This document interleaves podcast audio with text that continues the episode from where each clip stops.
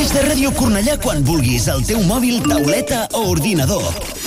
Entra a radiocornellà.cat i se t'obrirà un enllaç per instal·lar al teu dispositiu l'aplicació de Ràdio Cornellà. D'aquesta manera la tindràs sempre actualitzada. Podràs escoltar la ràdio en directe, descarregar i compartir els teus programes favorits, accedir a les notícies de la ciutat i molt més. I ara amb la millor qualitat de so. Ràdio Cornellà, sempre al teu costat.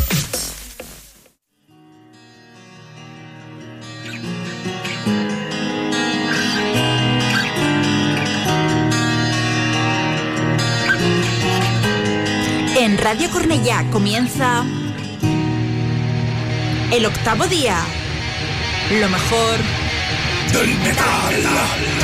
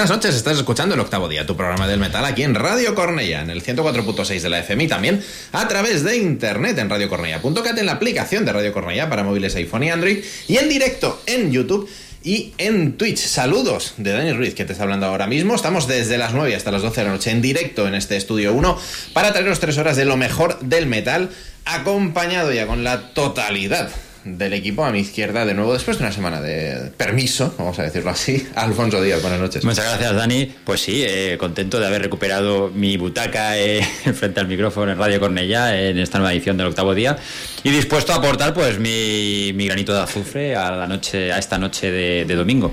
Ya hemos asumido que no es ni de arena, ya directamente de, de azufre. A mi derecha también, después de una semana de respiro, Sergi Sánchez. Buenas noches. Muy buenas noches a todos y pues nada, eh, sí, una semana que se me hizo rara porque me faltó eh, mi domingo aquí en el octavo día, Sí. pero bueno, retomamos eh, lo antes posible, así que aquí estamos para darlo todo. Más dosis de heavy metal. De nuevo, una noche más. Tony López, hoy además con noticias. eh, no Frescas, todas noticias frescas. Fresquísimas. Muy buenas noches. Eh, lo primero es saludar a Sir Bellum, que ya está con la bromita de no se oye, no se oye. La, la- escucha. la clásica broma de Sir Bellum, que no se oye. Sí se oye. Pero has vuelto a picar. Eh, hemos comenzado con Megadeth con eh, The Sick, The Dying and The Dead, que es eh, el último disco que ha grabado con ellos el brasileño Kiko Loureiro, porque hace escasas un par de horas, si llega, ni, ni llega, acaba de, de anunciar su marcha definitiva de Megadeth. Y bueno, pues no por ser menos secreto a voces, no nos deja un montón de dudas ahora eh, su marcha. Seguramente el puesto lo cubra, no sé si definitivamente, pero yo creo que sí, eh, el guitarrista finlandés que, que le ha estado sustituyendo de momento. No sé si Mustaine aspirará a nombres más potentes o directamente ya le va bien el... O algún retorno que parece Bueno, que están- algún- yo, yo tampoco lo veo, pero No lo veo, de momento la puerta ha quedado abierta. de Marty Friedman no lo veo. Como Yo, tampoco, eh, pero lo dejo ahí como posibilidad que sería muy gustosa y muy sabrosa para todos los fans clásicos de la banda, entre los cuales me, los cuales me incluyo. Y- pero sí que es verdad que el, el comunicado no es cuanto menos un poco ambiguo. Parece que simplemente se desvincula durante el 2024. Se supone No, que no, la- no, el comunicado es que lo deja, no, no. Yo por lo que he leído No, no, parece que él como que en 2024 quiere quedarse en casa cuidando No, de no, su que- familia. no, pero que pensaba que iba a ser más corto, pero que tiene un problema más grande y ha dejado, ha dejado la banda. O sea, empieza, empieza diciendo que sí, que en 2024 tampoco va a poder atender las obligaciones eh, que tiene la banda y que por eso más, más, a- más adelante el comunicado hacia el final dice gracias a todos los fans por estos nueve años que han sido maravillosos y demás. O sea, deja muy claro que, que, deja, que deja la banda. Eh, las- los interrogantes por el lado Megadeth y los interrogantes por el lado Angra, que acaban de sacar un disco excepcional con un trabajo de guitarras brutal. El señor Barbosa se ha salido, pero claro, está en función de sustituto. Ya parecía que definitivamente había pasado a, a formar parte de, de la banda. Pues eh, se abre ahora un periodo, pues como pasó con Mangini y Porno, y eh, aparte ese señor Mangini que vuelve el titular, vamos a ver si no se le ha acabado eh, justo ahora que hace seguramente Sí, su mejor una disco jugada un tanto ruin, ¿no? Más cuando bueno. Angra están ahora para salir a la carretera, no para encerrarse en un estudio a componer o No, a no, grabar. claro, evidente, Entonces, evidente. dejo Mega porque no quiero estar en la carretera y me voy con Angra a girar por Europa. No, pero no bueno. parece una, algo muy coherente, No, pero bueno. no estamos hablando del mismo que- nivel. Angra te puede hacer dos meses, tres meses de gira, pero está nueve meses en Brasil. Él necesita estar nueve meses en Brasil. Ah, pero la, la- la gira de, de Mega ya está muy rodada y me imagino que estará llegando, no sé si al final, pero yo creo que Pero de la Mega- mitad de la Mega gira no ha para. hecho ya festivales, ha hecho ya de todo. Mega- La maquinaria Mega no para y además tiene que estar en Estados Unidos constantemente, no es lo mismo. Con Angra puede estar en Brasil. Igual salir un mes o dos al año, que no sé si incluso puede, puede salir Barbosa en su lugar cuando venga a Europa y él hace las fechas de allí. No lo sé, muchos interrogantes, pero la noticia es esa, saltaba esta misma tarde. Eh, Kiko Loureiro deja definitivamente Angra, pero no nos has acabado de presentar, Dani. A las labores técnicas y de producción tenemos como siempre aquí Cobelinchón y a los mandos de la nave una vez más, a Xenia Sanserric. Buenas noches. Buenas noches. Eh, la presentación después de la, de la noticia es un poco así, pero. Era última hora, era última hora. que- Ultimísima hora que el directo puede, di que sí, claro que sí. Es una noticia importante por compartir y por eso hemos decidido. Fíjate si era importante que, que hemos empezado con el tema este que Es malo. Bueno, en fin. Sí. Durísimas declaraciones. Es un. Es sin más. eh, te deja como plano, pero ya está. Es, es Bueno, Megadeth. pues lo que vienen siendo los últimos discos de Megadeth, Sí, ¿no? ¿no? Pues sí, ya sí. está. Me Dejadlo ya, dejadlo ya, ya han muerto. Me Dejadlo ya. hace gracia porque Kiko dice gracias por, por el Grammy, por Distopia, por las nominaciones y tal. Dice, o sea, os dan premios cuanto peores discos hacéis, porque los discos buenos no tienen ni un solo premio ni reconocimiento de la industria. Por otro Pero, lado, pero eso históricamente ha sido así. Hasta que no tienes un nombre, no te dan un Grammy. y cuando tienes el nombre es por cosas que has hecho antes, Claro, no por lo que haces ahora. Es así. No han venido los Grammy latinos, ¿no? ¿Me Eh, no, no han venido a Sevilla a estar Lástima. con la Rosalía, el Rory Alejandro. la Rompo una lanza por la mejor canción de 2021 de la categoría metal, que fue The Alien de Dream Theater, que esa sí lo merecía como canción. Pero eso ya es, es otro tema. Es otro tema.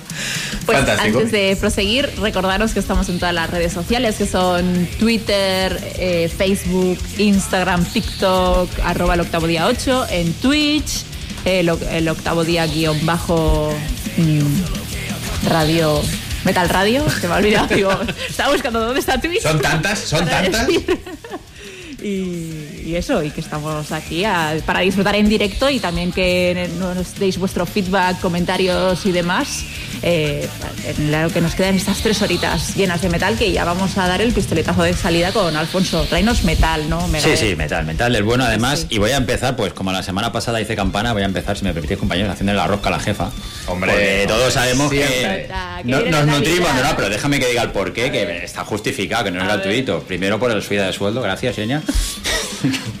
y segundo, pues porque todos sabéis, ¿no? Que aquí cada uno se nutre de sus dealers, de sus fuentes, pero a veces las bandas siguen enviando material de promoción, siguen enviando sus adelantos y siguen envian- enviando su trabajo aquí, al octavo día directamente. Y aquí nuestra jefa se encarga un poco de distribuir las cartas, que es un poco, ¿no? Es algo que pasa muy inadvertido, pero ella pierde su tiempo diciendo, hostia, esto le puede gustar a uno, al otro, al de la moto. Pues el otro día me mandaste a mí una promoción, ¿Sí? un ¿Qué- promo, ¿Qué te ha gustado? que me ha gustado Me y que va a sonar ahora a continuación. Sí que voy a... Voy a Creo que a mí me mandó uno que iba para ti, porque yo lo escuché y pensé, ¿qué, qué hace? A ver, yo a veces pongo más de uno porque puede medio encajar. Pues había uno que pusiste a Alfonso y a mí, que yo no. pues, pues igual es este. Pues igual tiene, que no tiene- sea. tiene muchos números. Pues nos vamos a ir, si os parece, hasta, hasta Canadá. Y es una banda que yo, pues, eh, no tenía ni idea de ella. La verdad que se había escapado de mi radar. También es cierto que cuando he buceado un poquito hacia atrás, pues no es mi, bien, bien mi estilo. Eh, empezaron en el 2001, eh, son de Quebec y practican o practicaban en sus inicios, pues un, un Dead Black así como muy corrosivo, muy, muy cavernoso, que también me gusta, pero no es exactamente mi estilo, ¿no? Pero en cambio, eh, lo que me mandó fue la promo de lo que ha sido su tercer, su tercer disco, que se llama To All Domain, que saldrá el próximo 15 de diciembre. Estamos hablando de una banda que se llama Strigampire, Strigampire, no sé, no sé cómo pronunciarlo, que te digo, no tengo nociones suyas.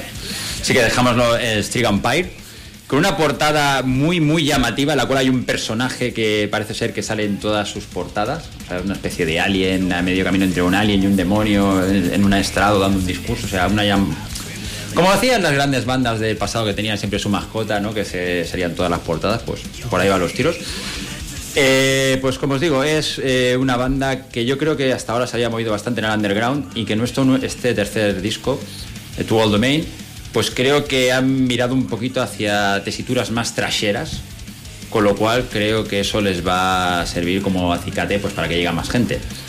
Vamos, si os parece, a escuchar el tema Liberty, que precisamente es lo que han sacado de adelanto y es el que abre el trabajo. A ver qué os parece.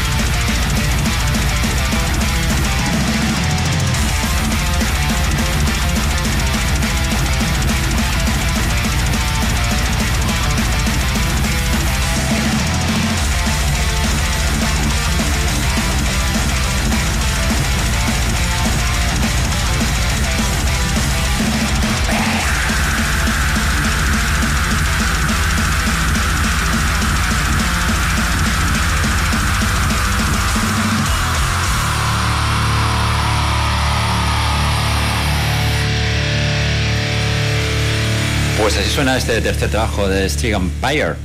No sé, no sé qué os ha parecido. A mí me ha recordado a bandas como incluso diría Children of Bodom, ¿no? Ese, ese trash death así melódico, muy rápido, muy ágil. Ya os digo, venían de, tesituras más black metaleras, según ellos. Yo creo que esto se desmarca bastante de esas tesituras. Y bueno, y muy destacable para mí, por lo menos, la producción del guitarrista de Cryptosis, eh, Christian Donaldson, que se nota mucho en su mano y que le ha sacado un sonido realmente brillante a estas nueve, nueve canciones y una versión, a ver si adivináis de, de quién pueden hacer una versión. Del TNT de ACDC. o sea que para que veáis, seguro que no lo esperabais, pero en cualquier caso un disco muy divertido, os digo, el, el 15 de diciembre, To All Domain, un disco que pasa, pero como un cañonazo, de una banda que creo que tiene mucho potencial y que espero se reenganchen en algún paquete de estos que acostumbran a venir de 3, 4 bandas, aunque sea para abrir, porque creo que pueden merecer mucho, mucho la pena. La cosa es que son de Canadá, que ahí para hacer un paquete esto está complicado. Bueno, pero hemos visto a Striker por aquí, sí, siempre se pueden embarcar, si la compañía está detrás apoyando, siempre puede, siempre puede haber posibilidades. Al Pirinean siempre vienen algún canadiense de aquellos que dices que haces una fecha y vienen para una fecha en un pueblucho de, de- Lo que es verdad que también de momento es un disco independiente, o sea que la compañía Claro. mucho, mucho me parece Es que, no, va, no va a poder apoyar. Pero bueno, igual luego se licencia cuando salga, si Claro. funciona A. Eternam han venido a Europa en un paquete muy lejos de aquí, no pasan por aquí ni cerca. Y que pero- muchas bandas de este estilo pillan las vacaciones y vienen a Europa tres semanitas a ver lo que rascan. También. Sí, sí, sí. Pican piedra durante el año para luego hacerse unos festivales o lo que sea. Sí, sí. Posibilidades siempre hay, eso está claro. y Hay que- esperanzas tenemos los que estamos Sí. ahí. Eso que y nunca más falta. después de escuchar que bien suena este Tu All Domain. Pues venga, sigamos escuchando a bandas noveles que tienen mucho que ofrecernos. Sergi, ¿qué Sí, nos sí. traes? Hombre, pues eh, con el permiso de, de Alfonso esta vez, eh, bueno, traigo el segundo single de, de Judas, el segundo adelanto de su Invincible Shield. Eh, cuando salió Panic Attack, pues ya estuvimos comentando un poco sobre, sobre lo que pensábamos del disco, pero solo teníamos una muestra, ahora tenemos dos, así que bueno, nos da para, para replantearnos, afirmar, eh, reafirmar lo que dijimos, así que esto es Trial by Fire, luego comentamos.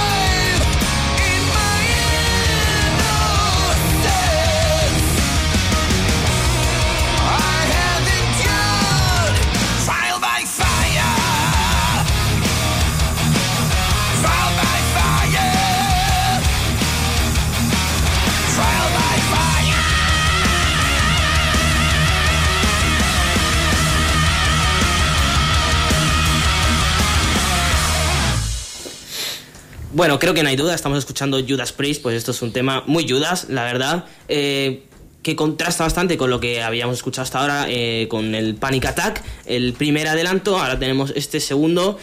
Bueno, a ver, eh, lo he escuchado menos por ahora, hasta ahora lo he escuchado menos. pero a mí me convence, me engancha fácil como, como, bueno, como suele ser el estilo de la banda. Quizás Panic Attack me convenció más, aunque era muy, bueno, ya lo comentamos, era muy Breaking the Law, muy repetitivo, muy sencillo en ese aspecto, pero, pero bueno, me ha convencido. Espero que siga por esta línea. Eh, no ha sido tampoco para tirar cohetes, pero, pero bueno, dos avances en poco tiempo eh, están en boca de todos. Han anunciado fechas y siguen añadiendo fechas, así que lo están haciendo bien. Espero que siga por esta línea. Bueno, yo en cuanto al, al nuevo tema, la- estoy de acuerdo contigo, me gustó más, me, creo que es más inmediato lo que fue el primer adelanto. Sí que es verdad que aquí veo a un Halford eh, más realista a sus condiciones actuales, salvo algún grito, o sea, tonalidades más medias, menos forzado. Sí. Me recuerda más quizás a la época Resurrection, salvando las distancias, la forma de, de cantar, que no a lo que habían sido los últimos trabajos de Judas, incluso también un poquito al año de los Retribution. Eh, buen tema, a mí me ha dejado un poquito más frío, también te lo voy a decir. Pero bueno, habrá que esperar, son dos temas. Tenemos uno que entraba muy bien y otro que hay que darle un poquito más de cancha. Veremos cómo se va. Nos quedan todavía, creo que son 12 más, ¿no? 14 creo que lleva el disco, 13, Sí, 14. así que- O sea que hay todavía bastante que destripar ahí. Y sí que mm, creo que todos hoy en día, es un detalle que precisamente venía repasando el tema cuando venía aquí a la radio, creo que ya todos hoy en día, la mayoría del tiempo que escuchamos música lo hacemos con cascos. Sí. que os recomiendo que lo escuchéis con atención porque he notado muchos detalles eh, de productor, de, Andy Snip. Supongo que será eh, quien está detrás de los controles también este nuevo trabajo. A la hora de modular el volumen de las guitarras cuando entran y de algunos toques que como que no entran eh, al mismo tiempo por los dos auriculares. No sé, son detalles muy de productor que esto si no te sientas y te pones tranquilamente a escucharlo no lo vas a percibir. Pero creo que hay detalles escondidos de, de mano de Andy Snip, que a lo mejor no es, no es compositor de Judas, pero sí que es verdad que es bastante responsable de cómo están sonando los últimos lanzamientos de los británicos. Aporta, aporta más. Yo vaya por delante, voy a tope con Judas, pero al respecto de lo que decía Alfonso, eh, a mí ya hace mucho tiempo que me sobran estos gritos de Rob Halford como el que hemos escuchado al final del tema, teniendo en cuenta que lo vamos a ir a ver en directo. Es decir, eh, Lo va a clavar en directo, no tengas ninguna Sí, duda. sí, claro, lo va a clavar, pero ya sabemos por qué lo va a clavar y ya sabemos por qué Rob Halford se estará duchando en su casa y seguirá el reverb ese allí en el San Jordi Club. Eh, creo que debería ser mucho más realista con sus capacidades y darnos temas que luego él pueda salir y defender en directo con todas las de la ley. Estoy totalmente de acuerdo y es más, soy de los que piensa que el Painkiller tendría que desaparecer de cualquier setlist de Judas porque... En el 98 tendría que haber Bueno, desaparecido, probablemente sí. Pero, pero bueno, eh, también hay fans que no le puedes decir que vaya a un concierto de Judas sin enfrentarse a depende qué temas, igual que al fan de Maiden no le puedes decir que Maiden van a tocar esa noche de Trooper, porque se pegarían fuego. Ya, Yo tampoco estoy de acuerdo con eso, pero es, es Pero lo que hay. Sabemos que el, el painkiller, Rob Halford hace No es- décadas no que es- lo sufre. No es la misma exigencia Trooper que Painkiller, claro. correcto. Cuando Bueno, el pero- tema pero- que le exigen es No, una pero, pero entiéndeme, me refiero por Sí, repetición, sí. por lo que sea, porque Claro. son temas que están súper trillados. Sí, sí, no, y que En un y que- caso y en otro porque y que en todo concierto de Judas Priest, como en todo concierto de Iron Maiden, siempre hay una persona que los ve por primera vez. Claro, y para- tengo lo merece, y lo esa merece. persona quiere ver esa canción porque es la primera vez que los ve. Para los que van a- por primera vez, es eso, no les puedes decir que, que no van a tocar un Es painkiller. como yo lo con el. Final Countdown. Mm. Los matarías cada vez que vuelven a tocar el Final Countdown. Pero entiendes que, bueno, pues que hay gente que, que no los ha visto y los va a ver por primera vez o gente que necesita que Pero los este, este es el gran debate, porque entonces cuando haces en setlist tienes que pensar en los que llevan viéndote los últimos 20 años que han ido fielmente a todos tus conciertos y tienes que darles algo que no les has dado hasta ese punto, o tienes que mirar a los nuevos y tocar los super clásicos. Yo es creo lo que, no, es, todo el no mundo. es enfocado en a quién tienes que mirar, sino cómo se ve la banda. La banda de- decide, vamos a tocar clásicos o vamos a, a tirar por nuestra vía. Y la mayoría de bandas, hubo un tiempo, hace unos años, igual hace 20 años, 15 años, que sí que es verdad que veías el list más raros y, más diferentes. Y ahora, de, de un tiempo a esta parte, eh, muy, muy conservadores los setlists. Eh, muchas de las bandas, sobre todo clásicas, han tirado directamente porque yo he visto giras de Maiden sin Trooper. Es que a eso Siempre iba. hay un- Yo la primera vez que vi a Maiden con la gira del Dance of Death no tocaron nada de clásicos, solo Claro. un tema y salí súper decepcionada. Ese es el tema. ¿Y de qué año hablamos? De la gira del Dance of Dance Death. of Hace Death 20 salió en años. Sí, 2008. 2000 poco. No, no. No, No, antes, un 2004, poco antes. 2004, Perdón, 2004. Dance of Death es de 2004. 2003. Sí, la gira es sería esa de época. 2004. En esa 2004, época, en esa época muchos grupos tiraban por ahí. Judas también. Pero Maiden también ha hecho la gira de la Madre o Life and Dead también, que lo tocaron íntegro también algunas Mm, veces. a- Que no tocaron ni Trooper ni Number of the Beast, creo. Entonces, bueno. Bueno, por eso ha, ha habido en estos últimos años un regreso a, a recuperar esos clásicos. Europe también, en alguna de las giras después de la reunión de 2004, eh, empezaron a hacerse list raros. Incluso eh, en alguna noche no habían tocado el Final Countdown y iba el promotor ahí a exigir que si he pagado por Europe tienes que tocar el Final Countdown. Es, Son bandas que están muy marcadas por algún tema y la gente quiere oír eso. Y, y que cada vez hay, hay más negocio, más empresa y menos eh, sentimiento, en el sentido de que las bandas salen a tocar con un setlist completamente cerrado y da igual que veas el concierto de Suiza, que el de España, que el de... Sí, sí, claro. El que Sí. quieras. Y luego ves eh, bolos más pequeños, perdona que me me- meta esto aquí, pero me llamó mucho la atención, como el otro día cuando tocaron un Crisium en la sala, en la sala bóveda, que yo tengo que hacer la crónica para Rafa Basa como normal. Y bueno, esto no creo que desvele ningún secreto, pero muchas veces pues, el compañero fotógrafo, si tiene el setlist delante, pues le pega una foto y te lo pasa pues más o menos para que sepas lo que han tocado. Pues de lo que tocaron a lo que estaba en la hoja, pues mm, de la misa a la mitad en el orden que les dio la gana. Y eso yo creo que es algo que dice mucho de una banda que está tocando, ve a la gente lo que le pide, lo que hace, evidentemente tendrán X canciones preparadas. Pero que no se ciñen únicamente a lo que llevan preparado, sino que tienen la cintura de cambiar un tema a otro, y eso quieras que no le da. Ahí fue, ahí fue muy bestia. Eh, Atlantean Codex la- el año pasado cuando bajaron del Pirinean, tocaron el, el sábado en el Pirinean y vinieron aquí a tocar a acompañar a Chen al Champion Upload, ¿no? en Upload. Y claro, era un concierto prácticamente improvisado. Tocaron tres canciones bastante largas, como son las, las habituales, y dijeron, bueno, nos quedan 10 minutos, pero es que no habíamos preparado nada, ¿qué canciones queréis? Nos pusimos a gritar, Edu, Edu, saludo desde aquí, y yo, como desgraciados ahí en la primera fila de Course of Empire, y nos miraron y dijeron, sabéis que es muy larga, ¿no? Dijimos, claro.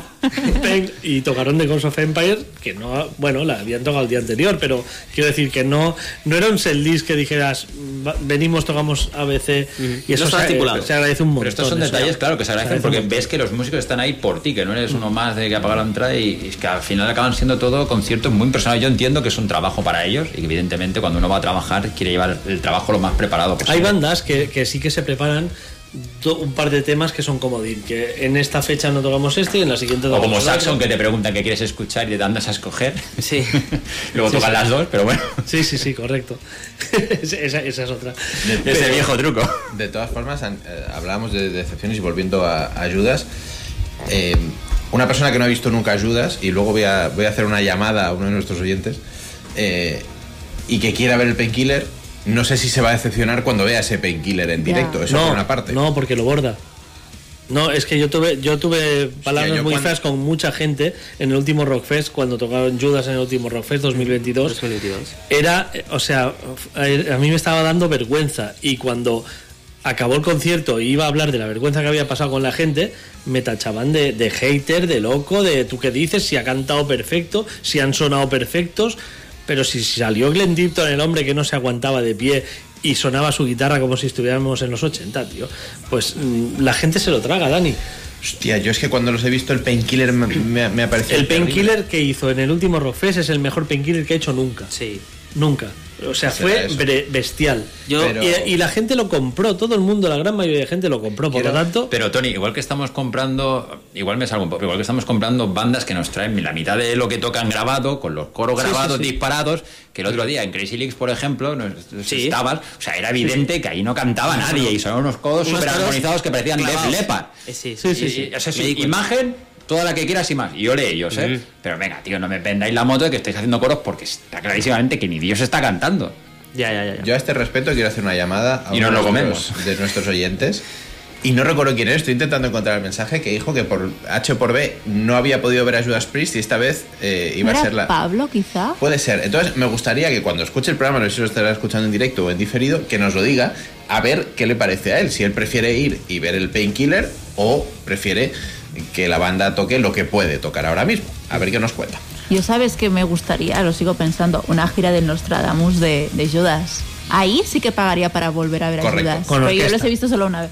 Con- en el Teatro Romano de Mérida. Mira, me conformo Hostia, con, pues con, sí. con poco, pero si es con orquesta y en el Teatro de Mérida, ya aún más. Pero es que ese disco me sigue pareciendo una maravilla. Tocaron A mí- a mí ese disco- en, en esa gira del Nostradamus. A mí ese disco no me gusta porque sé. pone Judas Priest. Si no, es- es- Vale, claro. no, no, claro, tiene sentido. Sí, o sea, sí, sí. como yo, como un disco de Judas Priest no me gusta, o sea, no lo trago, pero pues en otro, con otro nombre o que hubiese un proyecto paralelo, pues lo puedes escuchar con otros oídos. Mm. Pero claro, venimos de una banda que es el totem de heavy metal, lo pones ahí y me sobran la mitad de las intros porque le cortan el rollo. Entonces, claro, no, yo no lo veo como un disco de Judas. De hecho, Pero, eh, pocas veces lo he podido escuchar entero del tirón, sinceramente. creo que es te cortan el rollo, ¿no? Precisamente se entiende la historia a través de las intros. Yo precisamente el hilo de la historia que explica, joder, me parece imprescindible. Sí, pero yo te estoy hablando como un disco de Judas, con un disco de Judas con tantas introducciones, no, yo, no, yo no lo veo, no es lo un disco diferente. A mí, yo no lo veo como disco de Judas Demolition y es más directo y me parece una soberana mierda. Prefiero que me hagan un Pero sí que, sí que lo veo más coherente en el sentido de lo que son los discos de Judas. Bueno, Otra pues, cosa es que un la, calidad de- la calidad del material, evidentemente, no está a la altura de los clásicos. Prefiero que me hagan un disco bueno que no sea clásico Judas que un disco malo que sea. eh, es, una, es una, una directriz que yo me encuentro con varios discos, sobre todo conceptuales, como, como el, el de Blind Guardian, por ejemplo. Nightfall in the Middle también esas intros te cortan completamente el rollo. ¿Hay temas buenos? Sí. Pero también me acaba, me- es un disco que me gusta, pero me acaba resultando pesado, sinceramente. Y con el de Judas es lo que te digo, si hubiera salido como un proyecto con otro nombre, pues a lo mejor, como salió por ejemplo hablando de Blind Guardian, este que salió con la orquesta, que a mí tampoco me gusta, pero que se llama Blind Guardian. Bueno, es, que- la- es que eso es, solo, es solo la orquesta. es- que eso no es, no es un Sí, pero. ¿cómo se llamaba? Esto era Blind Guardian, pero tenía otro nombre. Sí, sí, ya sé lo que dices, pero a mí tampoco me gustó. Pero si hubiera salido también- como Judas, pero con un nombre así, pues Es a que ese disco lo, no le ha gustado- con diferentes oídos, yo por lo menos. Ya. No le ha gustado ni a los fans de la música clásica ni a los fans del metal. A nadie le ha gustado ese disco. Solo a Hansi. Ni, yo creo que ni a Hansi lo soltó y dijo: Eh, ahí, era un disco lleva tenéis. 25 años en la cocina, ¿no? Y no le gusta a nadie. What the fuck I'm doing, ¿no? Bueno, disco que, que sí gusta mucho. Eh, os, os hablaba del- la pasada semana que el viernes salían un montón de discos a, los que hincarle el diente. Escuchamos aquí algunos. Y, y, francamente, mi veredicto sobre el viernes pasado es clarísimo. Eldritch con Inner Void eh, se han llevado la palma de los lanzamientos eh, de ese viernes. Y os pondré alguno más que todavía no habíamos escuchado aquí, que también está muy bien, muy destacable, pero lo de Eldritch voy a repetir, eh, banda, que normalmente no lo hacemos demasiado, porque me parece que hay tal genialidad en este disco, temas tan distintos, que, creo necesario volver a pincharlos, e incluso no solamente una vez, es que lo pincharía más veces, porque temas como, como From the Scars, que, que empieza, que parece que estés en una discoteca y de repente cambia una cosa melódica brutal. Bueno, eh, mucho Eldritch, eh, mucha esencia Eldritch, pero una voz, además, fijaos en este tema que, que vamos a escuchar, es de estos temas increyendo, de esos temas que, te, que nos rompen tanto. Es que me recuerda incluso Jay Caruso, que es el vocalista, de dónde has salido. Se lo he preguntado a él directamente por redes y me ha dicho, yo estaba aquí. lo estaba. Eh, me recuerda a ratos a Ronnie Romero en, en esta canción. El tema es Wings of Emptiness. Un tema, como digo, parece el medio tiempo, pero no veas cómo, cómo se acelera. Desde lo nuevo de Eldritch, Inner Voice, Inner Void, perdón, Wings of Emptiness.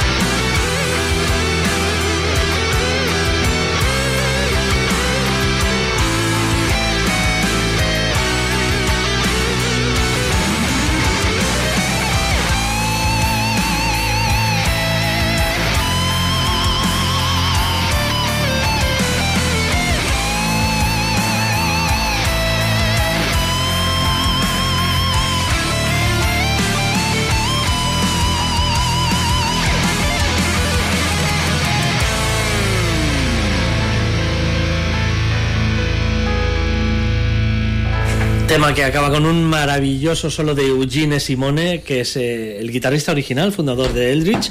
La banda es la misma desde sus inicios, a, bueno, a excepción de Terence Holler, vocalista, que dejó paso a, a Jay, eh, Alex Yaruso, perdón, que, que es, es una, es una bestia auténtica de la naturaleza. En este tema ya habéis visto que, que a ratos, en serio, eh, lo miré y ahora mismo lo he vuelto a mirar porque comentábamos aquí, seguro que es el mismo cantante todo el rato. Eh, No, no colabora Ronnie Romero ni, ni ninguno de ese estilo, es, es Yaruso todo el rato. Me ha encantado el disco de Eldritch, lo, lo he reventado bastante este fin de semana y, creía que el de DGM me iba a poner difícil el top eh, mensual, pero va a ser el de Eldritch el que me lo ponga imposible. Y, destacar que es sorprendente, ¿no? Ponerte al frente de una banda que lleva 30 años eh, de trayectoria y Mm. sacar un disco así y que parece que hayas estado toda la vida ahí, que cuadres y que encajes a la perfección. Y además, es ¿eh? lo que es lo que decía, porque sí, porque además hay ratos que parece incluso Terence Holler siendo una voz diferente y, y te recuerda al cantante original de Eldritch. Y es lo que decía, yo controlo muchísimo la escena italiana de, de- a nivel de vocalistas, sobre todo, los tengo muy fichados. Y este tío no sé de dónde sale. O sea, ha sido una explosión ahí directa en toda mi cara. Ha sido una sorpresa, una sorpresa mayúscula este nuevo trabajo de, Eldritch. Y yo os digo, además temas muy variados eh, que, hacen que cuando acabe el disco te preguntas, ¿ya? Muy, muy rápido, de, escucha... Y, te deja con, ganas de, futuro a nivel, primero, de, verlos en directo y segundo, de, lo que puede venir después, porque lo que te comentaba, si esta es la primera toma de contacto y suena tan cohesionado y tan redondo, el futuro puede ser súper prometedor. Sí, sí, totalmente. Es difícil pillarlos en directo por aquí, pero quién sabe, porque por ejemplo, si hablamos de DGM, por cierto, Simone Bularoni también es el que mezcla y masteriza este disco en los Domination Studios de San Marino. Eh, DGM, por ejemplo, eh, acaban de ser anunciados esta semana como, hostia, no me acordaré el nombre del pueblo, algo de Murcia, que es un pueblo de Burgos. Castrillo. Castillo, eso, Castillo, gracias Dani. Castillo de Murcia, un pueblo de 166 habitantes. Vamos a ver de Google. Maps ahora mismo. El 24 de agosto DGM van a estar en Castillo de Murcia, provincia de Burgos. Y, y- exacto, yo quería remarcar eso. Castrillo y Murcia no está ni cerca de Murcia. No, no, no. Que, que nuestro querido Pepe se Correcto. llevó una alegría para luego llevarse Sí, un sí, bajón. para luego llevarse el bajón porque es Burgos, que es el, casi la otra punta. Pero eh, claro que no me atrevo a decir a Eldritch es muy difícil verlos aquí porque igual te los te los eh, anuncian en un festival de un El pueblo de, aquí. de Ávila. Sí, sí, pero bueno, yo, yo para ver a Eldritch me tuve que ir hasta Toulouse a ver eh, en el Proc en el Ready for Proc hicieron el 20 aniversario del niño, lo tocaron en- íntegramente allí y me decidí a ir. Y, y esta sería una banda, por ejemplo, sería muy interesante que entrara en el circuito de festivales en nuestro país, que a lo mejor en salas no, tienen, no tendrían el tirón que podrían tener, pero sería un buen reclamo para gente que lo seguimos desde hace tiempo, de poderlos ver, Sí, sí, meterlos claro, en algún festival. Señores promotores de los festivales, Así que no sean los mismos nombres de siempre. Hombre, pues ha sido un temazo. Yo, yo solo tengo una palabra para, para opinar. Eh, Dani, igual tú me ayudas, que es comprar. Pensaba que iba a ser picueto. No, porque a estas alturas el ya no te dejan picueto, ya sabes que son. Bueno, pero a él igual sí. A sí, sí, mucho. Bueno, hay alguien por el estudio que me parece que está haciendo clic ya para, le está- le- se lo están trayendo ya el, el CD. En Twitch seguro que sí, tenemos algún comentario de que, de que ha gustado la propuesta. Comprar, comprar, clarísimamente. Y, y fijaos cómo de bonito y de grande y de complejo y de heterogéneo es el metal, que eh, vamos a saltar de Eldritch, que es una banda de eh, power progresivo, no sé si se permitiría así, a otra banda de power progresivo que no tiene en estilo nada que ver con Eldritch, me voy hasta Senech, Bratislava, hasta Eslovaquia, porque porque acaba de aparecer un Divide del séptimo trabajo de estudio de Signum Regis. segundo, Perdona, por Dani, porque cierto- precisamente me, me refería a ese otro disco Correcto. que ha salido el pasado viernes, que es el otro que me, has- me ha gustado del viernes pasado. señor. Porque el de tremendo. me había dejado plano. Es un 9, pero es todo el rato un 9 y no hay picos y, Eh, y el de Estoy temiendo el top de Tony porque la mitad va a ser el top de noviembre ampliado. el top de final de año. Pero- sí, sí, sí. noviembre ha sido tremendo. Sí, sí, Qué, todo de noviembre. qué pena lo de GM, porque escuchamos aquí el adelanto y Tu parecía que decor, va a ser tu decor es un pelotazo. tema superlativo, pero sí, pero el resto del disco es un, es, un poco inconsistente. Es muy largo, muy No largo. nada. Es como el anterior disco ya le pasaba. Tienen un tema que arranca, que te pone los pelos de punta. Y luego te parece que estás escuchando todo muy bien, todo suena de lujo. es pero bueno, supongo que es un disco al que hay que dedicarle mucho tiempo. A ver, ojalá lo tenga. eh, precisamente este Undivided de Signum Regis creo Pero que es un este disco mucho más accesible. entra súper bien, No hay entra- que entra dedicarle muy fácil, muchísimo tiempo. Segundo trabajo de con J. Fortiño a las voces, un trabajo que me ha parecido maravilloso de principio a fin. Y para que os hagáis una idea, para quien no se haya decidido a comprarlo, creo que mm, lo necesita, aunque no lo sepa, todavía lo necesita. Vamos a dejaros con Sea of Galilee, lo nuevo de Signum Regis. Suena así.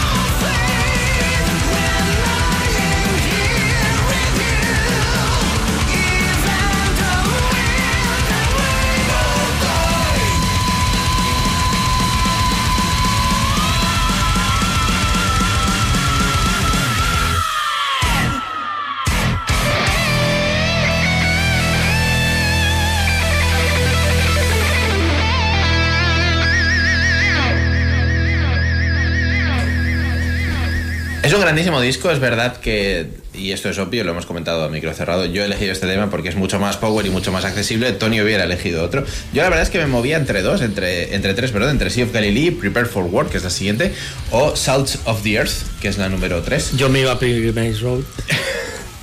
Evidentemente. Evidentemente. Pero bueno, todas entran facilísimo, entran muy, muy bien. Fantástico, fantástico trabajo.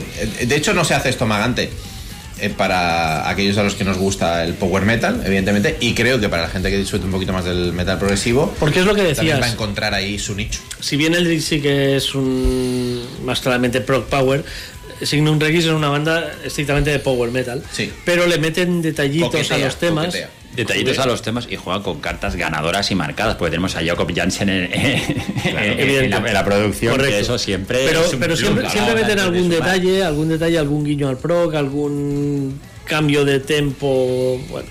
Siempre, siempre han jugado a ganar y, y la verdad es que, bueno, de hecho incluso con las colaboraciones, cuando los conocimos hace un montón de años ya con, con aquel Exodus donde colaboraba Goran Edman, que han sabido jugar muy bien las cartas, por eso hacen un tema con Goran Edman y que hacen, lo pasan a todas las radios, cadenas de todo lo que sea del mundo. Ves Goran Edman, evidentemente lo pinchas y a partir de ahí te enganchas. Una banda que ha sabido, ha sabido moverse. Sí, señor. Así es. Fantástico, fantástico de los eslovacos. Por cierto, séptimo trabajo en eh, 15 años de carrera. Van con paso firme, con paso firme, lentos pero seguros. Ah, y por cierto, que esto quería destacarlo. eh, estuvieron incluidos dentro de ese United Metal Alliance de 2022. Se dieron un tema para eh, en la compilación eh, Europe Against Bloodshed in Ukraine. Así que a tope con Signum Regis. Pues ahora vamos a ir con otra banda que también va con paso firme pero seguro, como comentaba Dani. Pero no power metal. Sigmund Regis, no, no power Ni metal. progresivo tampoco. Progresivo tampoco. Oye, pues eh, para cerrar un poco el tema, porque hablábamos aquí cerrado del Proc Power, que igual volvemos bastante, pero por si acaso no. Camelot, cabezas de cartel de Ripollet, Ripollet, Rock. Sí, Gran noticia hemos sabido esta semana. sí, no, sí, no sí. decimos suficiente los dieces que le damos a Ripollet Rock, ¿eh? Primero por ser un festival gratis. Gratuito. Eso lo primero. Bueno, yo, yo siempre he dicho que cobraría entrada. A mí lo de que sea gratis es lo que Pero- menos me gusta. Yo el problema El es que suele haber muchas colas para las barras y eso es un hándicap sí, para es ellos, que eso que ahí tendrían que poner... Es cierto. si vas a disfrutar de un concierto no puede ser que te pierdas prácticamente una banda como me ha pasado a mí, hablo en primera persona, voy a buscar una consumición. Yo prefiero quedarme con lo positivo, que es gratis, que es gente que, no Que el es ayuntamiento pone del dinero. tema, que el ayuntamiento da su apoyo y que hace unos carteles muy atrayentes. Pero bueno, esa parte de la barra se puede mejorar. Hacer unos es carteles impresionantes. Correcto. Sí, sí, sí. Sí. Bueno, y está funcionando. El año pasado les fue genial con Stratovarius, que yo pensaba que iba a ser un Ripollet Rock más parecido a lo de otros años, pero lo petaron, batieron récords. Mm. Eh, creo que una asistencia de alrededor de 8.000 personas. Así que, vamos, una edición espectacular. Yo le daría una vuelta a Ya eso. no Imagínate esto. 8.000 por 10 euros que cobres. Ya, no creo que no creo que fallase mm, gente por, por cobrar 5 o 10, Por algo eso, casi simbólico. algo simbólico, Pero, que- Lo que sí que es verdad que estamos hablando de un festival histórico y también Mm. si desde siempre, Siempre la gracia así, es que claro. haya sido así, es un poco Mm. romper la filosofía. Sí, pero desde siempre ha sido en el campo de fútbol y ahora no es en el campo de fútbol. O sea, eh, se pueden hacer cambios si es a mejor. Últimamente, la gente que va de fiesta, porque son las fiestas de Ripollet, que hasta hace relativamente poco a mí no me habían supuesto una molestia, en los últimos años se ha hecho difícil. Gente que no va a ver los conciertos, de hecho, pero como es gratis, es en el pueblo y estamos de fiesta y estamos la mar de a gusto, pues nos metemos aquí. Si molestamos a que quiera ver el concierto, nos da putísimo igual. Bueno, eh, Yo, yo creo que Es- para eso también juega muy a favor los horarios, porque, porque eso puede pasar a primera hora de la noche, o cuando salen los últimos a las 3 de la mañana, la- el que va a tomar la cerveza y a curiosear ya está en su casa, y más si no le gusta. Sí. Normalmente siempre Bueno, están no los que sé, van y el los que- exaltados, pero bueno. el que, el que también- lleva la fiesta hasta las últimas consecuencias. Pero también es cierto que suele haber bastante buen ambiente, Sí, sí. la cohabitación Sí, sí. con gente que le gusta el metal y gente que va allí a pasar la tarde-noche suele ser bastante buena. Nos dice Pepe en Telegram que él está de acuerdo en cobrar entrada a Ripollet porque se limpiaría mucha gente que no.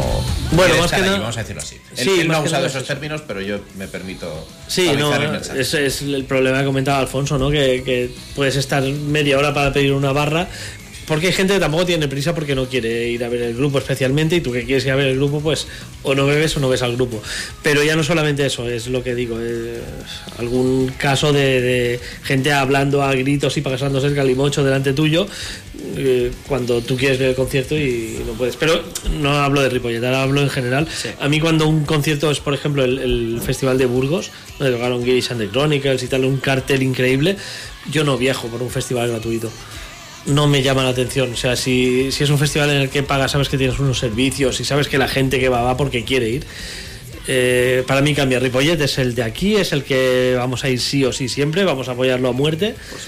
Pero hay que darle una vuelta. Evidentemente, si, si es una cosa financiada y es gratuita, claro, a quien no le gusta algo gratis, evidentemente, pero creo que habría que, no sé, hacer una. No sé. No, no- es difícil solución porque la verdad es que cobrar es la medida más impopular y más como nos dicen también ¿no? por Twitch que un festival que nunca ha cobrado ahora vas a poner a cobrar, ahora el ayuntamiento va a decir Yo, yo es que personalmente creo que, ¿Dónde que va ese? Ripollet es un festival que yo he ido muchísimos años porque tengo familia que vivía en Ripollet desde que era muy jovencito y me quedaba a dormir en casa de mi abuela y he visto casi todas las ediciones. Y sí que es verdad que yo creo que tiene un intangible que es como la vuelta al cole, o sea, el punto que mucha gente va a lo mejor no tanto por el cartel ni porque te guste el metal, sino porque es el, Es punto de de reencuentro agosto. después de las vacaciones, Sí. siempre es el último viernes, me parece que era, el último viernes del mes de agosto, siempre ha sido, Sí. que es justo, las fiestas empiezan el sábado. Y entonces es un, es un intangible que es eso, que es el punto de reencuentro entre los colegas después de que se acaba la temporada de conciertos y es el punto de reunión y te encuentras con todo el mundo y ese quizás es el motivo porque a veces se habla más que se ve música. A no ser que sea una banda que te guste mucho, mucho, Tam- vayas especialmente sí. a verlo. Pero para eso está la parte de atrás del recinto que te puedes ir ahí atrás. también es explicarle a la gente que no hace falta ponerte en tercera fila si no te interesa el grupo que está tocando. Que la gente también tiene los. En definitiva, que vamos todos a pasárnoslo bien, y- pero vamos a, a pasárnoslo bien sin evitar que se lo pase bien el de al lado, porque eso beneficiará además al festival. Claro, correcto. Algunos de mis mejores recuerdos en conciertos son del Ripollet 2004. ¿Con, Pero- ¿Con quién? ¿De bandas? Bueno, en este caso Por fue ejemplo- haciendo una entrevista a Saratoga. Por, pero- ejem- por ejemplo, a, uno, a un a un inodoro en un vestuario de un campo de fútbol, quieres decir. Solo hablaré en presencia de mi abogado y creo que Tony debería llevar un abogado. Sí, sí, sí, está, está viniendo. En fin, seguimos un poquito con más metal. Pues sí, seguimos y nos vamos para allá a Noruega a escuchar unos referentes del black metal de los 90, como son Toulouse. No sé si los tenéis eh, ficha Sí, sí, ellos. la porque- primera vez que los escucho. No, pero al final, eh, pese a que son una leyenda dentro del black de, los 90, como no se metieron en todo este circo del Dinner Circle, han quedado ahí, en el underground. Ellos han seguido trabajando, han seguido haciendo nuevos discos. Y, bueno, pues siguen aquí a, día de hoy haciendo ese black and roll, como se suele catalogar este tipo de black metal tan noventero. Y, y bueno, pues van a presentar un nuevo disco que contiene pues toda esa parte blacker, toda esa parte rockerilla, incluso esa parte folky típica de Toulouse, que sí que es cierto que a mí después de, de- escuchar el disco me ha recordado bastante a sus primeros trabajos, ese Pure Black Energy del 96 y el Mysterium del 97. Pero bueno, vamos a escuchar la canción Leg para que aquellos que conozcáis a la banda Toulouse, a ver si coincidís conmigo o no. Vamos a escuchar lo nuevo de Toulouse.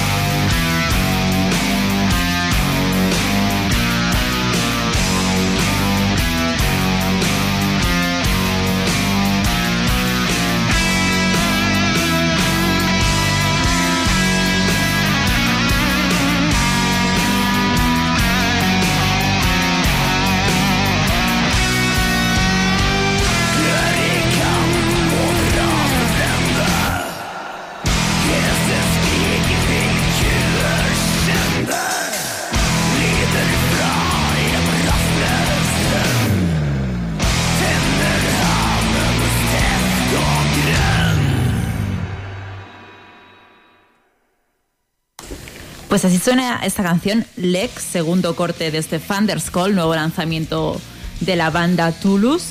Y bueno, ya habéis podido comprobar lo que os decía, ¿no? Tenemos ese denominado Black and Roll. Si conocéis a la banda, pues esto sonará bastante para mí a primeros lanzamientos.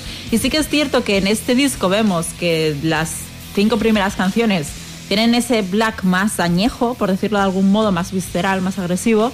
Mientras que después, el, hacia el final del disco, captamos más esa sensibilidad y esa, pues digamos, atmósfera más de, de la banda.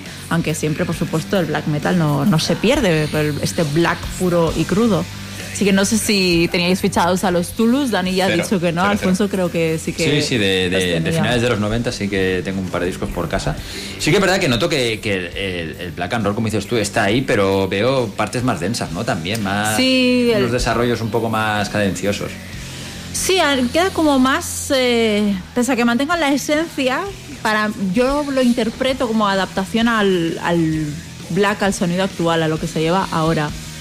No sé, no sé si me acabo de explicar bien. Sí, sí, Ah, no, no, es que no, no he escuchado el disco entero, pero escuchando así el tema me ha dado la sensación esa de que el recuerdo que tenía era que era como más acelerado, más un poco más sucio incluso. Mm. Y ahora me he quedado un poco descolocado en algunas partes de este tema, pero bueno, te le pegaré una escucha porque te digo, es una banda que sí que empecé andadura con ellos, pero luego me, me perdí por el camino, la verdad. Es que hay muchas cosas, Sí. salen muchas cosas, es imposible seguirlo todo. Yo, yo los, los tenía más cercanos a Dark Throne y este tema me los separa de Dark Throne. Sí. Por lo tanto, creo que ha habido una, una evolución. Supongo que es esto, esto que comentas de, de adaptar el sonido a un black más moderno. Sí, sin ser ese black moderno que se lleva sí, ahora, claro. ese post, ¿eh? Pero bueno, ahora, ahora el meter su cosita Doom está también. Sí, ya, de densidad. Sí, un poquito de. Voy a hacer ahora un... Porque sabemos que Metal Archive no es, un, no es una fuente excesivamente fiable en la No, valoración. Yo la suelo editar cada día, o sea que no, no, no, puede no, ser, no puede pero, ser fiable. pero, eh, estoy mirando de- pensando ahí lo que estaba hablando la consigna de por qué me desmarqué yo de, de estos chicos y veo que su disco de 1999 tiene un 27 de valoración no recordará cómo sería el disco pero claro venimos de los anteriores que tenían un 89 y un 82 Igual esta semana lo rescato para ver por qué me bajé Pasó- del carro. pasó algo ahí. pasó, algo pasó ahí. Bueno, lo que te dices Metal Archive, al final todo el mundo puede No, acceder. no, claro, evidentemente, pero me llama mucho la atención porque sabemos que aunque las valoraciones sean bajas, ¿no? Pues Sí, pero mínimo el la- 50%. Las valoraciones tiran mucho de Angry Metal Guy, de, Sí, sí, bueno. son cuatro webs. ¿eh? Sí, sí, sí, y de hecho solo hay, solo hay una, una review que puntuada, pero. O sea, a es, Oñación es 27. alguien a quien no le gusta ese Exactamente. No, no, porque en Metal Archives, por ejemplo, algunas bandas, el ejemplo, por ejemplo, de Superior, creo, la, la banda alemana de prog, a mí su segundo disco me parece la genialidad más bestia que se ha hecho en Europa a nivel de prog. Y, y creo que tenía menos. O sea, lo primero que he dicho es que no es una fuente Sí, sí, fiable. por eso te sí que digo. llama la atención no ver una valoración tan baja. Por eso te digo que, que muchas veces el tema Sí, es que de gustos personales tú también. esperas escuchar lo que han hecho en el disco anterior, escuchas esto y dices, esto qué mierda es, yo quería escuchar lo otro. Igual lo que han hecho es una genialidad, pero Sí, sí, claro, para gusto los colores, evidentemente. mm, es así.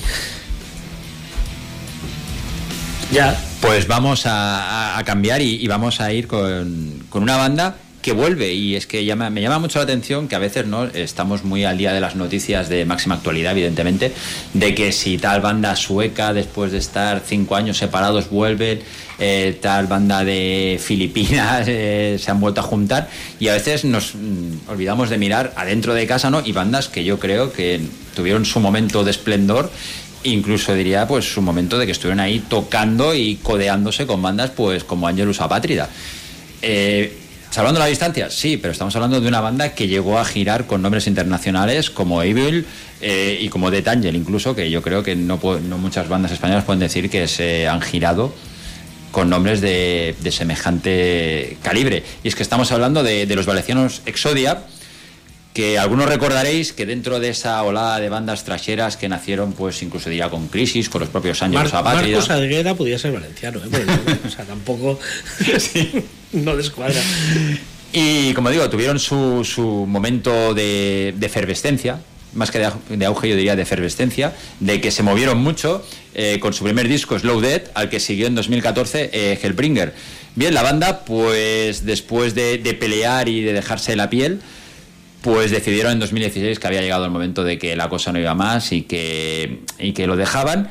No murió aquí al 100% el, el proyecto, ya que se reencarnó en, en Wicked que a muchos os sonará porque era básicamente los, los músicos de, de Exodia, pues con el vocalista Marty Doria, y pues presentaron Que Eh, estuvo aquí en el octavo día, Martín, EP, presentando el, el EP y el concierto que hicieron en Un EP que, que sonaba bastante bien. Sí. Pero bueno, estamos hablando de Exodia y vamos a, a, a la actualidad, porque es que esta semana, como de sopetón, pues me llegó la noticia de que se habían vuelto a juntar y es más, de que tenían un nuevo tema que lanzar, que ofrecernos y, decir, oye, que estamos aquí, estamos de vuelta, básicamente somos los mismos, la inclusión únicamente del guitarrista Eric Oliver, que ha sido recién llegado, luego pues tenemos lo que fue la última formación con Víctor Tello al bajo y los coros, Rafa a guitarra y coros también, el vocalista eh, Amando Milla y Tony Camarero eh, la batería. Como decía, la banda vuelve a la actividad, esperemos que, que tengan mejor suerte, eh, realmente calidad tenían, los que escuchaseis sus trabajos anteriores ya lo sabéis, pero ahora vamos a hablar de actualidad, vamos a hablar de presente y vamos a escuchar The Alchemist.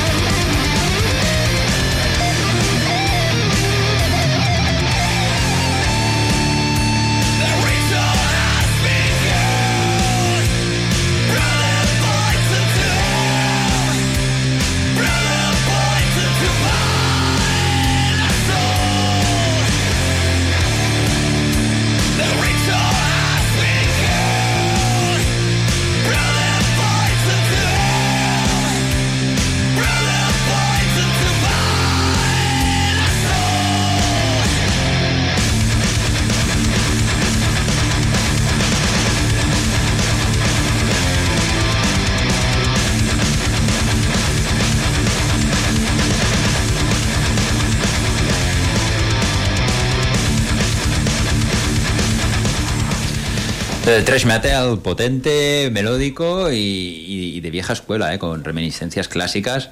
De hecho, Rafa, uno de sus guitarristas, era ultra fan de Megadeth, me imagino que seguirá siendo. Y se nota, se nota la influencia de, ese thrash metal americano en el sonido de Nos Exodia, que yo creo que vuelven en, en buena forma.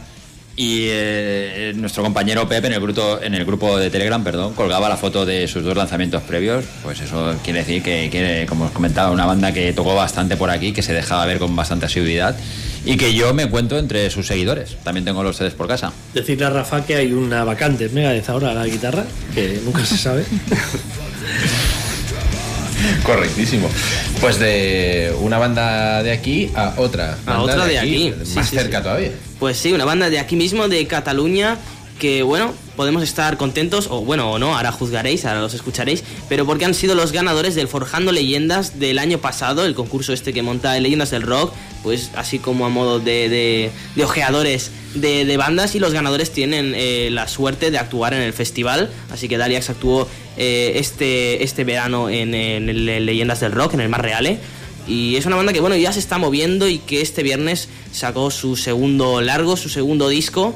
Y pues vamos a darle una escucha, una banda que se mueve principalmente con el, con el heavy power, pero que, como les comentaba a mis compañeros ahora a micro cerrado, no he encontrado por ahora dos canciones iguales. Así que bueno, van flirteando con otros estilos y con otros detalles. Vamos con Off Their Heads.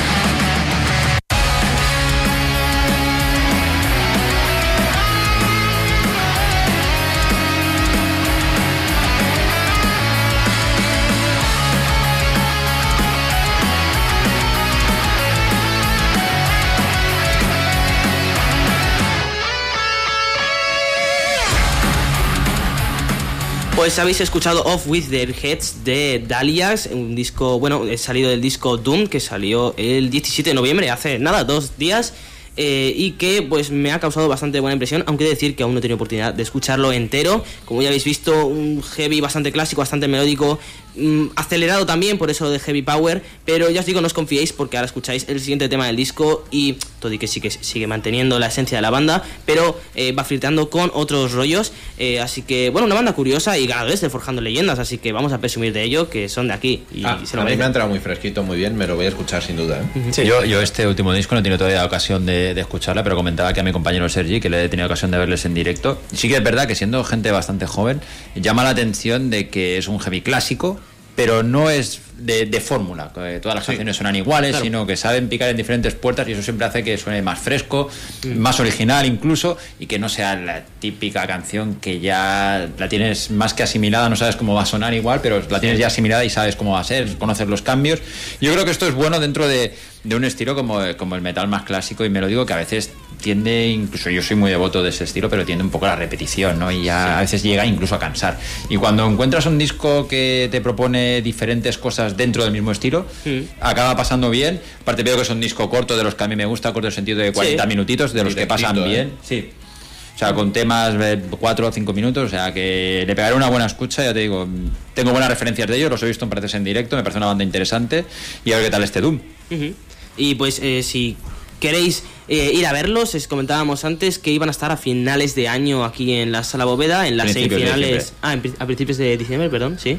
Eh, que iban a, iban a hacer las semifinales de- del concurso de leyendas de este año y ellos son, bueno, van como banda invitada, pero harán su actuación y presentarán este nuevo disco, Doom. Así que, bueno, mm, espero poder acercarme y espero veros allí. Antes de cerrar, quería comentar que, bueno, como habéis podido notar, un, un cantante, eh, Albert, si no me equivoco, que le gusta jugar mucho con los agudos y no esperaba menos, ya que, bueno, yo la había visto eh, antes de conocer Daliax, eh, que, bueno, porque por las mañanas es cantante de Daliax y por las noches se pone el traje de Bruce Dickinson y actúa como, como Dickinson, evidentemente, en, en un tributo a Maiden de Beast. Y antes de cerrar, de cerrar el capítulo de, de Daliax, pues decir que es hablábamos del concierto, el 1 de viernes 1 de diciembre, y los partici- tocan ellos, Sí. junto con Opar, Aria Blacken, nuestros amigos, que estuvieron aquí presentando su último trabajo, eh, Yar- Yaremai, me parece que es... No sé, el logo. Pues la verdad es Logo que... ilegible. Sí, un poco... Un poco Sí, sí. Opar también, eh, banda de un Yarima, compañero de mm. Science of Noise. Yarima, Yerma... Si alguien de la banda nos está escuchando, por favor, por favor, por favor, sí, sí. Muy bien, pues cambiamos de tercio, ¿no? Sí, cambiamos de tercio, pero también me voy al futuro y también me voy a diciembre. Sabemos que el 8 de diciembre es el Día Mundial de Chameleon en el octavo día. Eso lo, lo- lo tenemos asumido. Pero no solamente va a pasar eso el 8 de diciembre. Porque también va a ver la luz el nuevo trabajo de Progeny of Sun, una banda de Finlandia.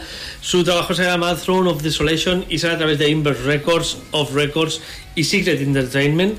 Un trío de, bueno, una, una colaboración para acabar sacando un formato digital, ni siquiera en CD. Pero esperamos que haya una edición eh, física de este disco porque es muy interesante y a continuación vais a ver el porqué. Progeny of Sun, apuntad este nombre, sobre todo los amantes del Black and Death Metal. Eh, Si te gusta Necrophobic, apúntate el nombre de Progeny of Sun porque es. eh, los necrophobic finlandeses, podríamos decir. Una banda que comenzó como, dúo, pero que pronto vieron que la cosa se les iba de mano y reclutaron a, a- a más gente. Y no suelo decir, sobre todo cuando hablamos de finlandeses, nombres de músicos que no sean conocidos porque seguramente no nos sonarán. Pero el bajista tengo que decirlo, porque se llama Tuomo Tolki. Que es, es lo primero que te llama la atención cuando, cuando, Estaba te, mirando ahora mismo, tenía pensado lo mismo. cuando te llega. la- Es que de hecho, Es hijo de...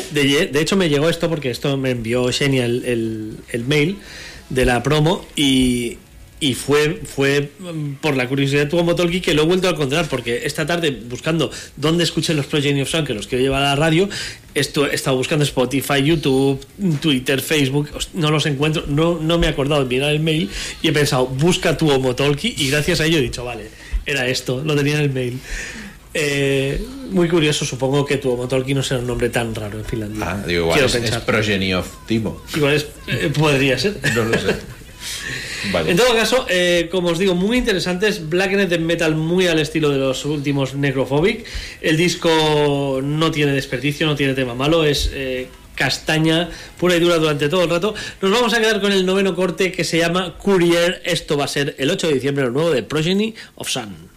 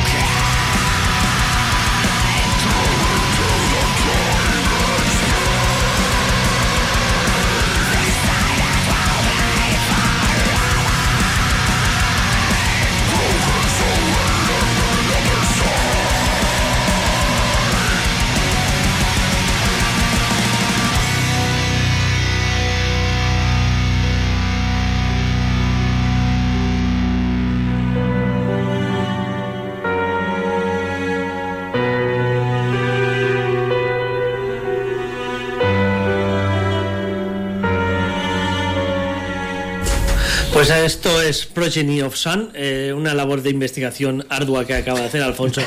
Eh, acaba de, de descubrir que Tuomo Tolki es del mismo pueblo que Timo Tolki. Bueno, del mismo pueblo donde está la, fin- la banda está, Está fincada en el pueblo donde nació. Bueno. ¿Y tú de quién eres? no? O el pueblo o ciudad. Pero también, si tenemos algún lobatón entre los oyentes, algún Paco Lobatón, los puede- ya sabrán investigar.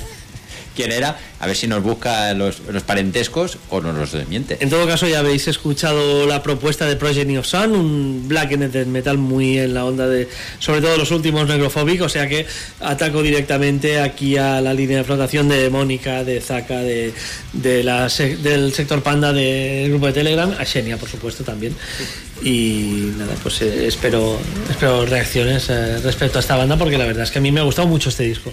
Lo poco que hemos podido escuchar, porque estamos a otros quehaceres, me ha gustado eh, y al inicio ya es en plan, esto me va a gustar, así que luego de camino a casa, en esas dos horas que no uno no puede dormir con el hype del octavo día, puedo escuchar esto. Tienes un mail con el promo, o Tengo, sea que- sí, tengo un mail que pone etiqueta Tony. pues, pues era etiqueta Tony y tú también, y tú y yo propia también, sí. Fantástico, pues eh, yo vengo a disipar dudas. Hemos hablado de Proc Power, si es Proc, si es Power, si hay coqueteos, flirteos. Se acabó.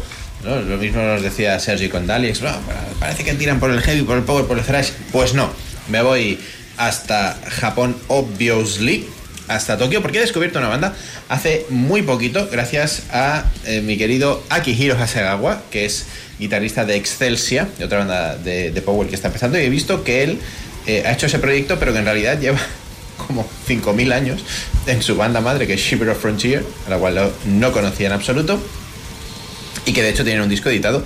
El último disco de ellos es del año pasado.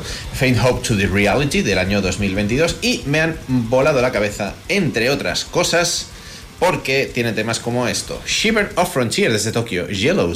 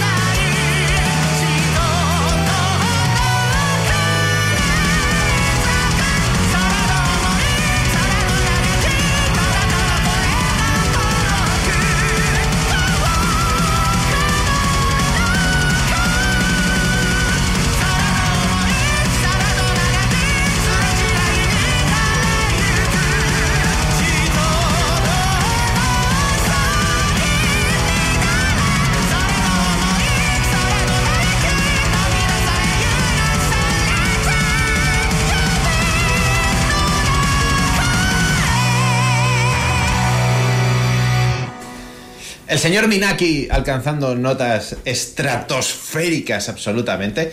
Sí, esto es power metal melódico. Aquí no hay dudas, ni flirtean con nada, ni coquetean con nada. Tiene todos los eh, elementos canónicos. Con el coquetean a muerte con, con Minstrelix de Leo Figaro, la banda de Leo Figaro, es exactamente esto. Que Abrazan, ¿no? Podríamos este decir, aún sube más arriba que Sí, Leo. sí. Es un escándalo, los he conocido hace muy poquito e insisto, ¿no? A veces que esto está muy bien. Te- conoces a un músico, conoces una banda, empiezas a tirar de hostia, este tío toca no sé dónde, y aquí canta no sé quién, y acabas en, en bandas que te gustan muchísimo. En este caso, Shiver Frontier, último disco 2022, pero vamos, tengo mis dos ojos. Proceed en- to en- check out. Estoy en CD Japan ahora mismo. sí, sí, sí. Ah, pues ahora está muy bien, son solo 4.000 euros de gastos de envío. No, no, no, no tanto. No te creas. Últimamente he pedido unos cuantos y bien. ¿Está mejor? Sí, sí, sí. Ah, pues Sí. Y con el Black Friday, no sé si hay Black Friday en Japón. creo que es no. lo de los solteros, ¿no? Sí, el, el 11 del 11, el Día de los Solteros, eso es. Ah, pues mira, pero esto es en China. Y en todo el mundo ya se ha hecho hasta en España. Ah, o sea que caray, bueno, aquí el Black Friday ya es Black Week, Black Month. Exacto. eh, Por si acaso en observaciones pondré soy soltero. A ver, A ver si cuela. A ver si cuela. Qué maravilla. Shiver Frontier, eh, han entrado un par de personas últimamente en nuestro grupo de Telegram, al que podéis acceder mediante enlace de invitación en cualquiera de nuestras redes sociales, que se han decantado precisamente por el Heavy y el Power, por fin, porque había una masa muy panda. Así que espero que les haya gustado. Bueno, un estilo que, que está ahí, que no acaba nunca de, de morir, siempre está nutriéndose, ¿no? Ni pasar, es una Brutal. pasada, siempre está ahí. Eh, además, en, en Japón está muy bien, porque claro, una banda que se forma en Tokio, un concierto malo meten 4.000 personas. Sí. Entonces, claro. Gente que pues pasaba por ahí. Solo familia y amigos, ¿no? Sí, claro, te, te da para vivir, te da para vivir. O sea que, muy bien, muy bien, muy bien. Desconozco, desconozco, pero he visto la portada y verdad que lo que va a poner a Sergi no, tiene nada que ver no, con no, el power metal melódico.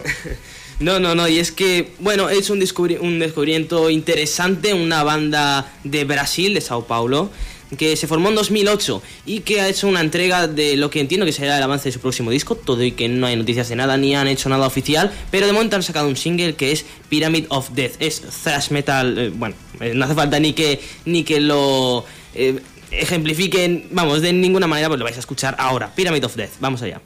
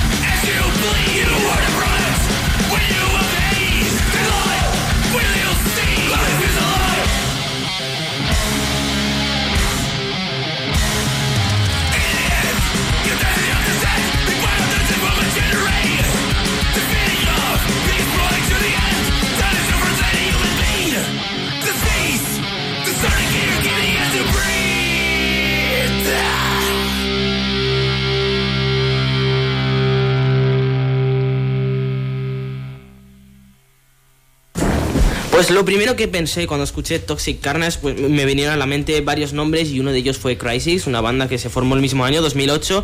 Y bueno, eh, es que mm, cuando los escuché me vino primero ese thrash más modernete, que tiene sentido, ¿no? Debido a la creación y el estilo que hacen, que es un thrash más eh, actual. Pero sí que es verdad que la voz, mm, el estilo en según qué momentos, porque van haciendo sus cambios de ritmo, se aleja de lo que sería un- unos Crisis, como ya he mencionado. Y me llamó la atención, es un es un primer adelanto que espero que, mm, que vayan viniendo más, por- porque como os he dicho antes es que no han anunciado nada de un nuevo disco, pero me han, bueno, se han hecho como, como se diría en inglés, ¿no? Mm, Se han quedado con mi ojo.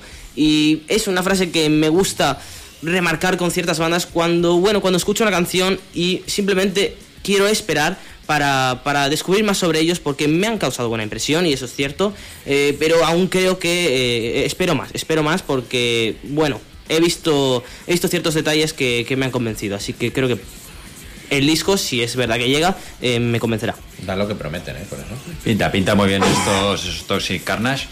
Y como siempre, aquí en el octavo día siempre se rasca por todos los lados, porque mirando información de la banda, sello Trash or Dead Records. Nos vamos al rooster y todos son bandas brasileñas de thrash metal, o sea Sí. que hay ahí donde Y- rascar y podemos sí, sí, buscar. ahí totalmente. Y además, buen material. en los últimos años, eh, lo bueno de las bandas de thrash de, Brasil es que por fin no se parecen a Sepultura. Hace 20 años había, salían bandas de thrash eh, de Brasil que todas inequívocamente te ibas a Sepultura o a Ratos de Porao. Y últimamente, y este es uno de los ejemplos, a, estos no los conocía, pero, pero veo que tienen sonido propio y suenan más a Crisis que a Sepultura, efectivamente, con lo cual eh, celebro muchísimo que ya no tengas que hacer thrash metal porque Sepultura son de tu país. Pues es cierto que lo iba a comentar precisamente. Cuando los descubrí, vi que eran de Brasil y, bueno, Metal Archives decía que era thrash metal, aunque tenía pinta, como, como decía Dani, ya solo por el nombre y la portada. Por toda y luego cantaban. Pero pensé, dije, bueno, va a ser un thrash estilo Sepultura y no. Así que, bueno, ese fue el, quizás el primer punto a favor para, para convencerlos y para convencerme y traerlos aquí. Y además los, los miembros son Robson Dionisio, Bruno Campos y Robert Ley, que... Creo que el Barça tiene los derechos sobre uno de ellos para ficharlo en enero. El interior izquierdo, el extremo y el defensa central de, de la selección brasileña. Sí, sí. Correctísimo. Pues vamos a proseguir con una nove- novedad, pero ya de cara 2024, porque nuestro queridísimo Tito Ishan eh, vuelve a la carga con un nuevo disco, el octavo de su trayectoria y desde 2018, pues que solo nos dejaba escuchar alguna canción nueva así de vez en cuando en formato EP, pero nada de, de un largo, ¿no? Y el próximo febrero de 2024 nos presenta su nuevo disco bajo el nombre Ishan. Eh, que es decir, eh, cuando ya sabemos, ¿no? Lo hemos hablado al- alguna vez, cuando hubo el nuevo disco, de, el anterior disco de Ángelus Apátrida, en plan, llevas tantos discos, ahora te pones como título de tu disco tu nombre de proyecto, es en plan, ¿qué significa? ¿Un cambio o falta de, de yo qué sé, de O- imaginación? O, a modo de resumen de su carrera, porque Que escuchando este tema, fin. Puede ser que tengamos algún tema que va como este que supongo ser que vas a poner, puede que haya otros que van más en otros momentos de su carrera, puede, puede ser que repase un poco todo lo que ha hecho en su trayectoria. Claro, pero al final la trayectoria en solitario de Ishan, pese a que ha habido cambios a nivel estilísticos de canciones, porque juega con muchos géneros, es como eh, difícil de definir, tiene un sonido muy propio de Ishan. Lo que sí que vemos que en este octavo disco va a ser un doble disco, es decir, por un lado la versión normal, por llamarlo de algún modo, y por otro la versión orquestal. De hecho, en el single ha sacado la versión normal y la versión orquestal.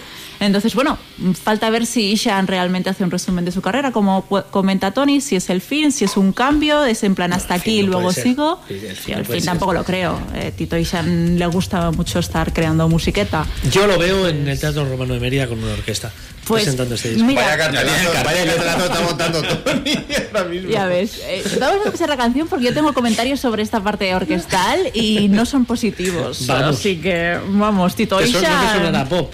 A ti también. no, es que le- lo he leído, lo juro. No. No, no, vamos a escuchar el single adelanto del nuevo trabajo de Ishan llamado Pilgrimage to Oblivion y ya si eso luego comentamos.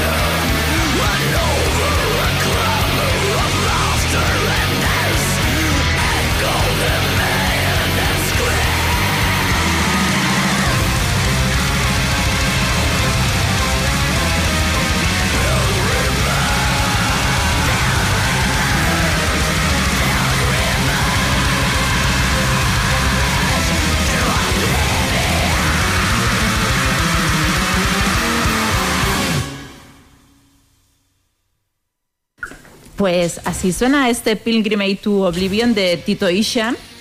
Y. Cla- claramente pop. No, hombre, no, claramente pop no. Mucha reminiscencia a Celtic Flesh, he notado. No, mira, mira, mira, bueno. ¿Tú quieres que me enfade? Sí, no? creo que te en enfades porque lo siguiente va a ser enfadarme yo. Entonces, enfádate Venga, tú primero. Vamos a enfadarnos, Tony. Te enfado a ti primero porque en prevención, porque ahora cuando a Alfonso le demos la palabra me voy a enfadar yo. Y Yo me voy a pillar para no tener encima se va a pegar. represalia. Y nos vamos a quedar aquí todos enfadados y el cabrón se va a ir. Entre Septic Flesh y Rick Astley, ya ha estado por ahí. A ver, Yo, yo le veo entre Nunca. eh, las reminiscencias orquestales de Septic Flesh y un poco la eh, temática lírica de Modern Talking. Veo ahí. Con pinceladas de WAP, ¿no? También.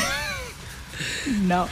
No, precisamente es que, eh, pese a que se parece a lo, a lo anterior, a mí la parte orquestal se nota a leguas que está hecha con programas de samplers de una persona que sus conocimientos musicales no tienen nada que ver, o sea, se nota un montón, sobre todo cuando escuchas esta canción, la versión orquestal, con lo que te hace Septic Fresh, Cristos, alguien con un montón de estudios súper superiores y una práctica... mm, o sea, no digo que esté mal lo de Ishan, porque queda muy bien. El SM de Metallica está grabado así y la gente se hace. Sí, o sea, y yo, y yo es el eso. único disco en Metallica en vinilo que tengo. Por eso Fíjate. te digo. Y también está grabado con un señor con el Pro Tools, ¿eh?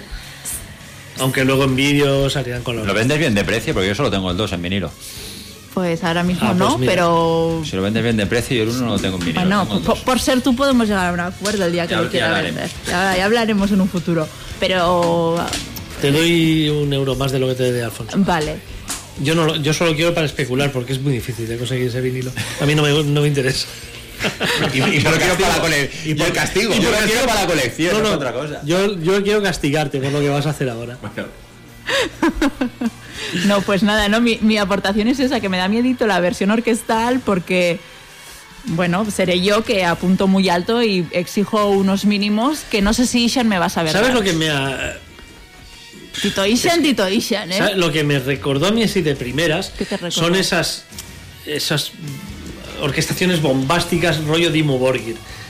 Un poco en esa línea, ¿sabes? Y no no Pero es que con bombásticas, ¿a qué te refieres? pues Entonces- esos esas ¡bum! Es- es- es- esas subidas ahí de de repente entra la orquesta y eh, no no te los explica ciertamente pero me- a mí me, as- me sonó un poco a Dimo Borgir cuando meten la orquesta que es una orquesta que, que hace mucho ruido pero pero no está integrada no está bien integrada no está bien integrada y, las, y, y lo que está hecho es súper sencillísimo. Es algo de nivel básico, normal.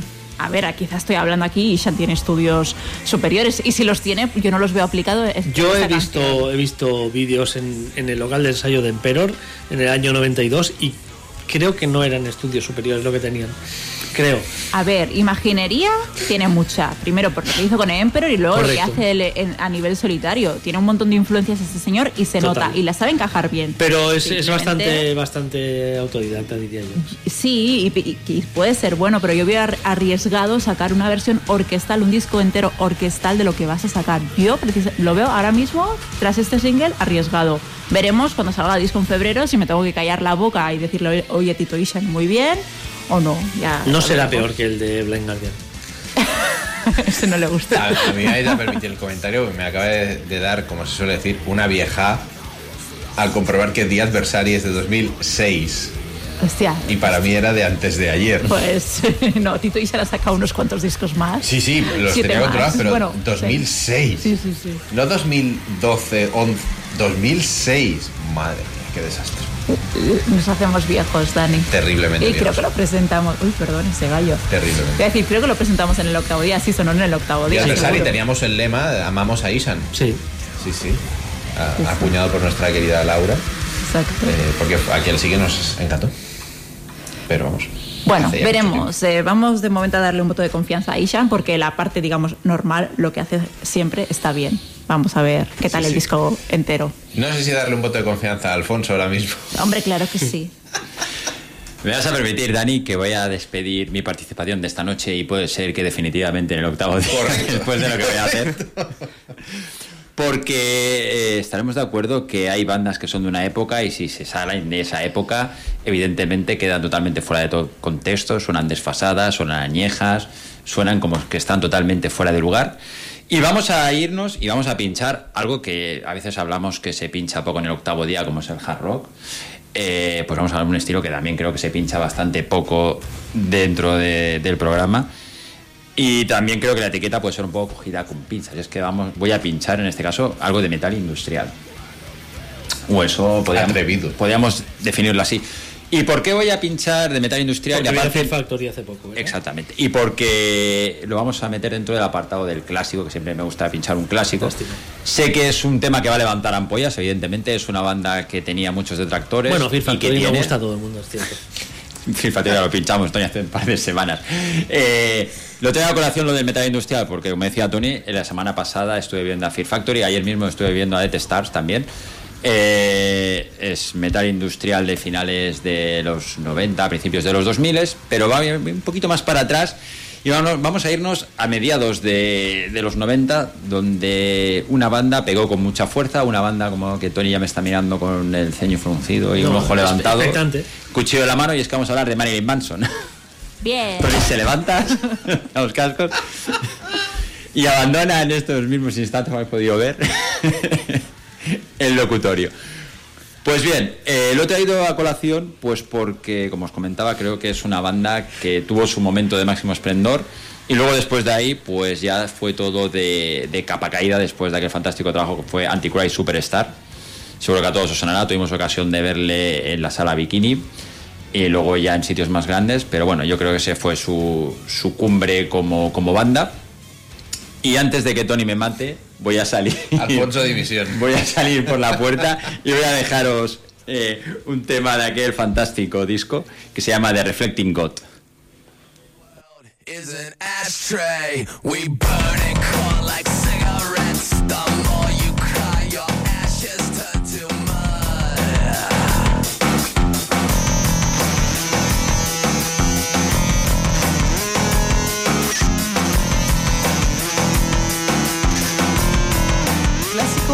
Octavo día.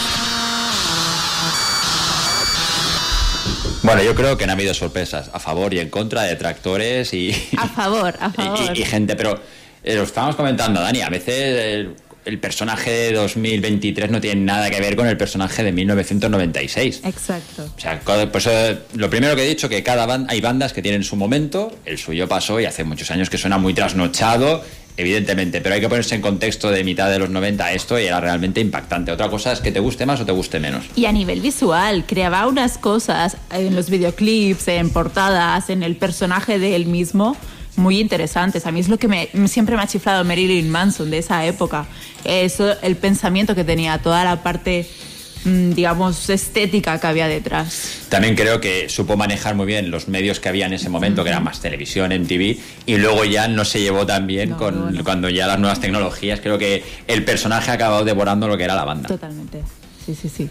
Eso sí, tienes muchos detractores en Twitch. Eh, Lester nos decía, también nos lo decía por Ishan, que pusiéramos el and Her Embrace de Cradle que cumple años hoy. Eh, luego, pues, eh, te pide la dimisión a Alfonso, eh, aunque otros dicen que te quedes eh, y que le demos adelante al temita. Pedro nos ha dicho que lo vio hace unos años en Badalona y que no le disgustó nada el show. Mira, Ah, el concierto. No es que se lo cruzase por el carril al mar. No lo fue y pagar, pagó entrada, por lo visto. Sí, sí. Ana directamente ha dicho que Alfonso empezó muy bien, pero. Lo importante yo es que hablen de uno aunque sea mal. Yo ahora me voy a casa y ya me silbarán los oídos. Ahí os lo dejo. A ver quién lo supera. Buenas noches. Pues, Pues yo no sabía. espera, espera. sujétale el cubata. No, no sabía, eh, no sabía cómo salir de aquí, pero. se tendrá que despedir. Sí, claro, claro. Claro. Cierto. Pues adiós. Se, se- se ha escuchado Marilyn Manson, pobre Sergi, que diga algo. No, no, yo poco más puedo añadir. eh, nos vemos la semana que viene y vamos con la agenda, vamos a pasar rápido y ya está. No pasa nada. Nos vemos el domingo que viene. Hasta luego. Yo no, es que no sé cómo salir de, de esto. De esto. Eh, me congratula en cierto modo que se haya pinchado algo que creo bastante lejano a lo mejor del metal, que es el eslogan de este programa. Incluso al metal, diría, ya ni sin- siquiera mejor. Eh, así que eh, creo que, que solamente me Va- queda. ¿Vamos en serio con esto? Sí, sí, sí, sí. Vale, Patadón vale. para adelante. Y es que si Alfonso se iba a los 90 a poner un. a poner un clásico de los 90, yo me voy a ir a los 80. Desde un trabajo que se llama Motivation. Eh, vamos a poner un poco de hard rock eh, que roza el AOR, que tampoco es un género que toquemos mucho aquí y que también le gusta a la misma persona que le habrá gustado Marilyn Manson. ¿Quieres, ¿Quieres que dejemos a elección de la audiencia a ver si aciertan quién es el cantante? Sí, sí, eh, el, el trabajo es del año 1989, se llama Motivation y el tema que vamos a escuchar a continuación se llama Falling, un temazo de hard rock ahora.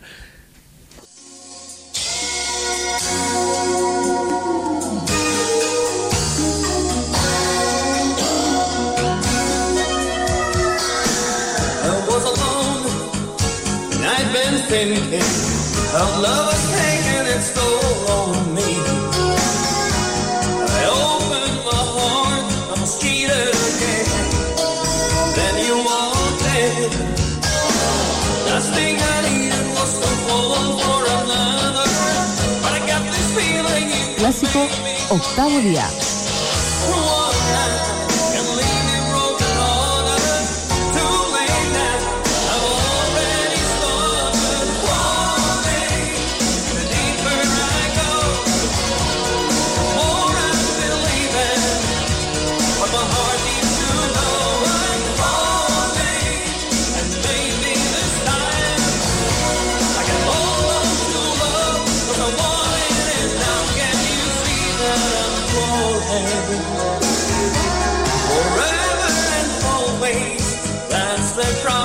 She made.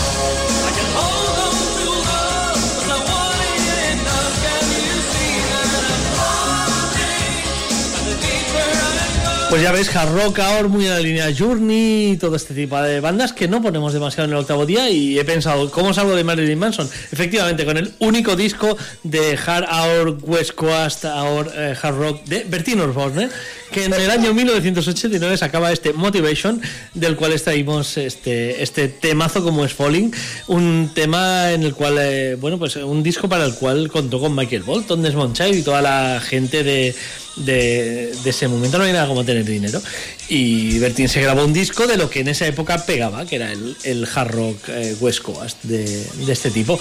Eh, Parece Vigilantes de la Playa, eh, intro de Vigilantes de la, Sí, de la bueno, Playa. ya, ya es eso, un poco, sí, sí. De, de hecho, los discos de David Hasselhoff que hacen estos últimos tiempos ya es, ya es este, este estilo.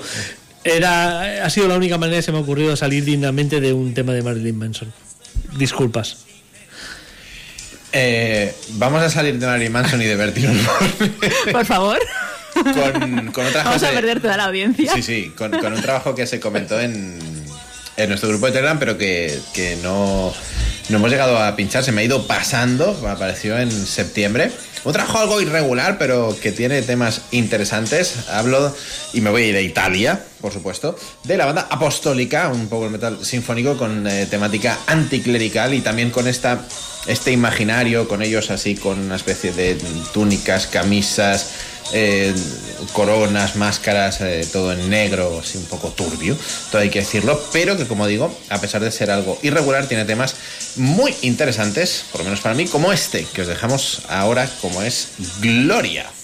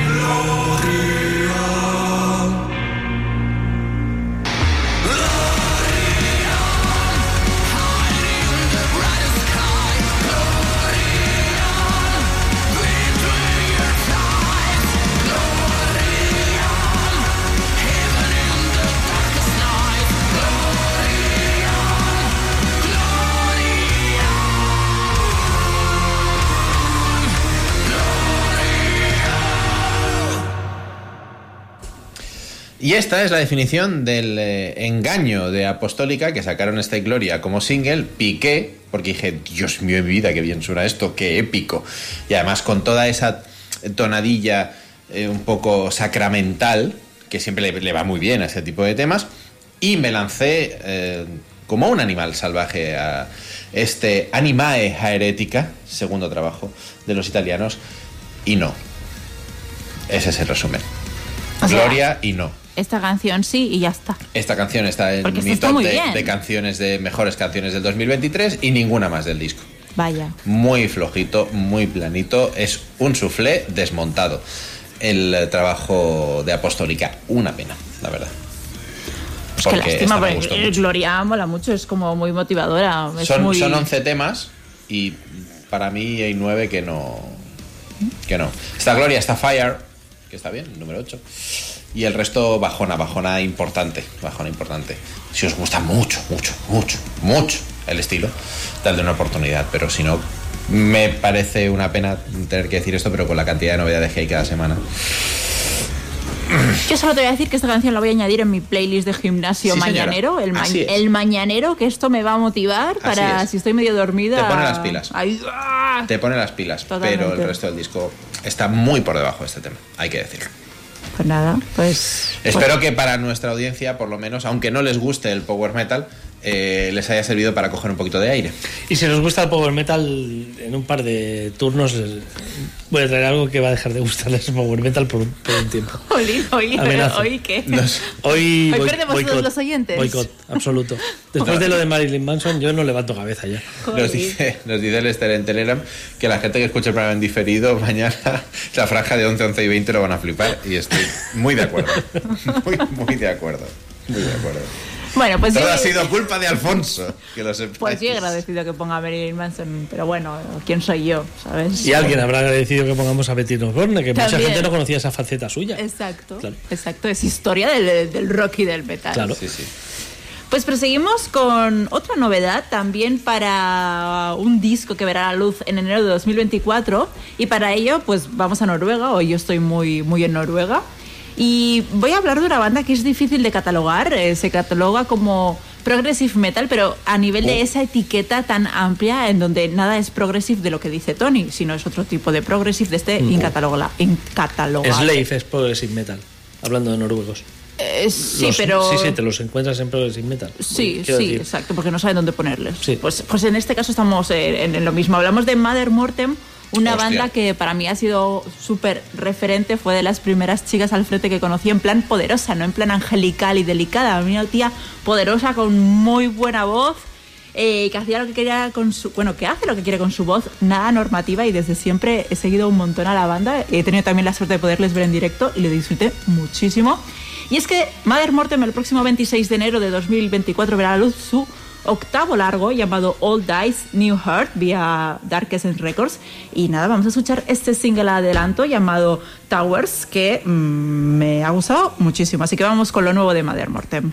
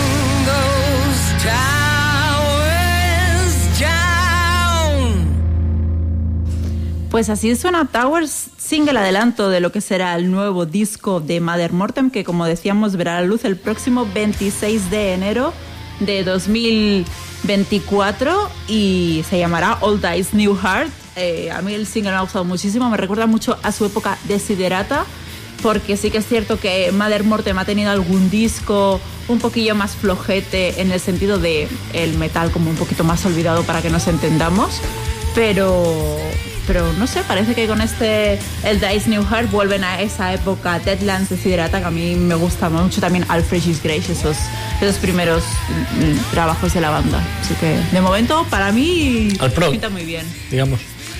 A ver, esa etiqueta tan amplia Mm, sí. que porque es difícil, es una banda difícil de Bueno, catalogar. entiendo que, que esto lo- se puede etiquetar más en pro que, que otros discos, como dices que... Bueno, no sé, es una, es una banda que es muy etiquetable en proc dentro de no ser un proc de tuyo. cánones, estándares. Sí, no, del mío al final es... mm, Dream Theater. No, es... Mira, ahora me has picado a poner Ah. otra cosa después que no tiene nada que ver con esto. No, es una banda de 100% B-proc, Ah, sí. Pero como ya no se hace el B-Pro, bueno, pero lo echamos de menos igual. mucho. sí. Eh, yo, como os decía, a los que queréis que os gusta el power metal, os voy a hacer aborrecerlo ahora. Y es que nos vamos hasta Italia, nos vamos hasta Varese. Nos vamos hasta Varese para escuchar el disco debut que aparecía este pasado 14 de noviembre de una banda llamada Ancient Trial. Es eh, la banda de una pareja, mm, no sé si son pareja o, pareja artística, eh, en definitiva, eh, Simone, Simone Boldini y Fabio, Fabio Fionucci. Vaya, no son ni Mularoni ni Lione. No, Qué pena. no, no, no. Simone y Fabio, pero no los que, no los que queríais escuchar. bueno, son una pareja de, de músicos que se unen, eh, unen fuerzas para, para sacar su primer trabajo que se llama The Ancient Force. Eh, muchas cosas a mejorar, efectivamente, pero sobre todo muy claro los cánones del auténtico power metal y sobre todo eh, saben dónde hay que meter un grito a tiempo y Ah, bueno, en definitiva, os dejo con el cuarto corte de este eh, debut de Ancient Trail. Se llama Storm.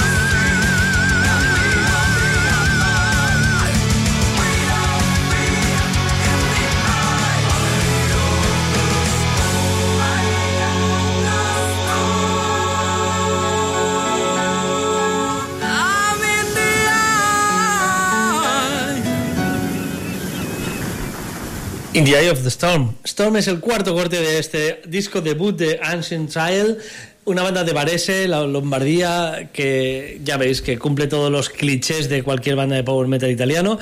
Un sonido bastante pobre, eh, se nota bastante De aquí momento la, sí. la otra producción. eh, los teclados y las baterías, pues no sé si hay una persona ahí detrás o un ordenador, que va a ser lo segundo. Pero buenas ideas en este disco. He, mm, como digo, he puesto un disco, o sea, he puesto un tema que creo que es donde no cometen más excesos. Hay algunos donde se les va un poquito, se les va un poquito demasiado la mano.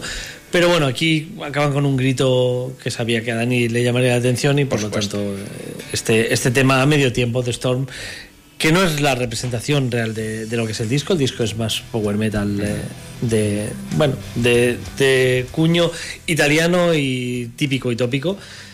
Lo dicho, eh, esta gente si llegan a algo el día de mañana eh, tratarán este disco como una demo y no como un disco. Estoy absolutamente seguro porque no es la primera vez que pasa y, y mucho menos en este tipo de bandas que graban, su, autoproducen un disco que suena regulero y luego no lo cuentan en su discografía. Aún así es un disco que yo he disfrutado, pero es eh, power para los muy eh, power, eh, powereros, cafeteros. Powerridos. Powerridos cafeteros. Pero le tiene que gustar el café, pero la hostia. O sea, es Dani, yo y vete a saber si hay algún enfermo más por ahí. yo creo. Alguna habrá, esto. hombre, alguna, Alguna se. Sí, sí.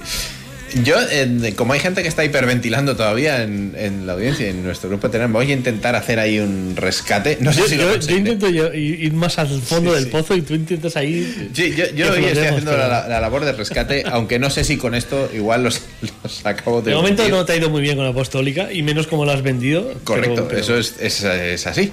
Pero este tema me ha llamado mucho la atención. Me voy hasta Turquía. Hasta Estambul, que no es tampoco un lugar del que traigamos muchísimas bandas habitualmente. Aunque esta banda tiene un recorrido interesante, yo los acabo de descubrir. Quizá algunos de los miembros del eh, el grupo Telegram ahora pongan fotos con toda la discografía de, de esta banda, porque eh, tienen de hecho cinco discos eh, de estudio y de hecho tienen otro anterior con otro nombre. Hablo de la banda Sabancra, con H intercalada, por cierto, entre la eh, B y la A, que acaban de editar hace apenas un eh, mes y medio un nuevo EP con dos nuevos temas, eh, que pa- parece ser que han sido muy celebrados. Ellos dicen que vienen de nuevo a traer la oscuridad sobre esta tierra ardiente. En fin, es un black metal con muchas reminiscencias folk, no el folk del norte de Europa al que estamos acostumbrados, evidentemente, ya que son turcos y que a mí me han convencido por la mano. Roaching Helios es nuevo de Sabancra.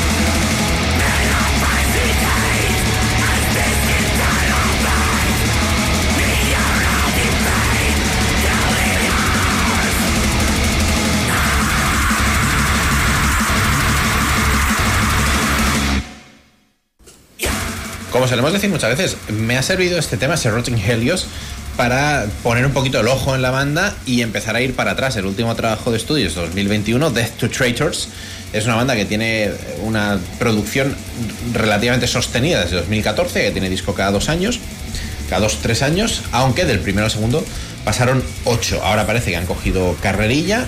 Este Rotting Helios es un EP. Igual han cogido un taxi, ¿eh? no carrerilla. He investigado, no mucho, con los turcos, no mucho, pero bueno, si cogen taxis los eh, fulminaremos directamente. Si no es así, para a quien le haya picado el gusanillo, que sepáis que lo podéis conseguir además en cassette, aunque es solo limitado a 100 copias. Sueñan extrañamente, suenan extrañamente parecidos a Aquerontas como para no ser nazis. Hostia, Joder, hostia, sí.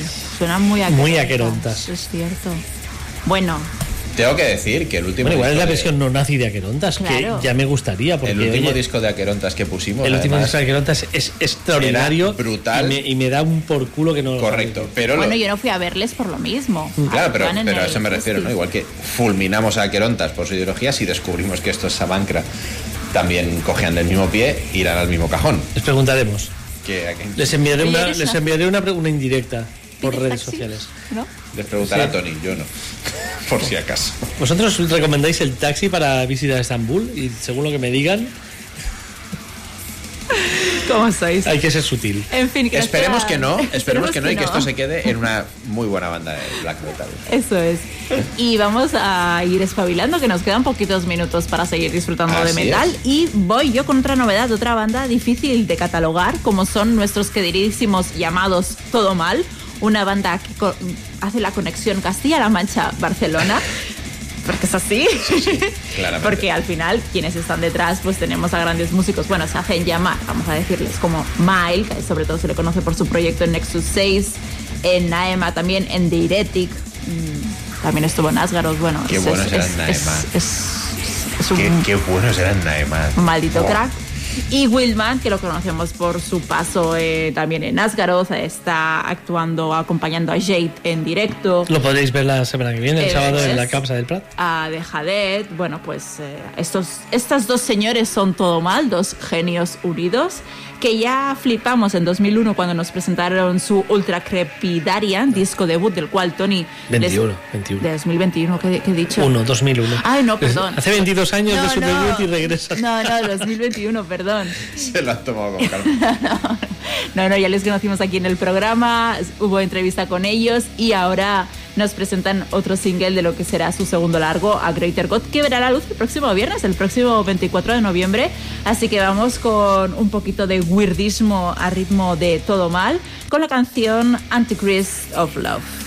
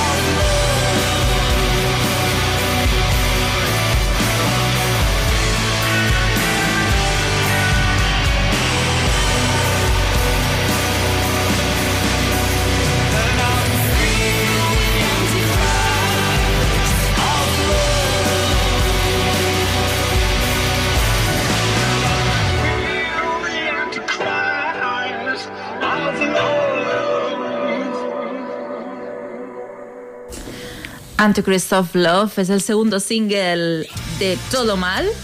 Y la próxima semana, el viernes, estaremos escuchando a primerísima hora, o sea, a las 12 de la noche, como hace Tony, lo- este A Greater God, segundo largo de, de Todo Mal, a ver qué tal, qué tal se da. Pero los dos singles adelantos pintan, pintan muy bien, la verdad. Malditos genios.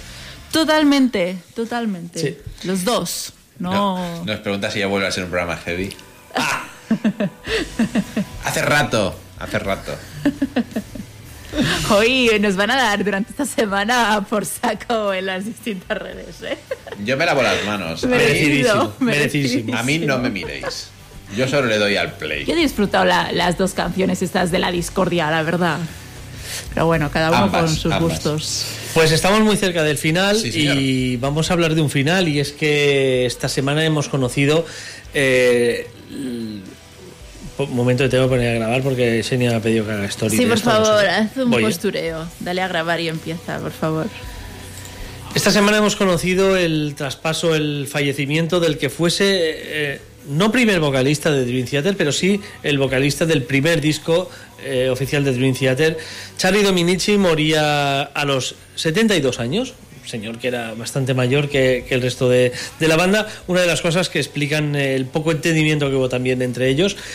Un eh, Charlie Dominici que siempre ha seguido vinculado al mundo de la música. Aquí pusimos en su día cuando sacó aquellos proyectos o, dos y o tres.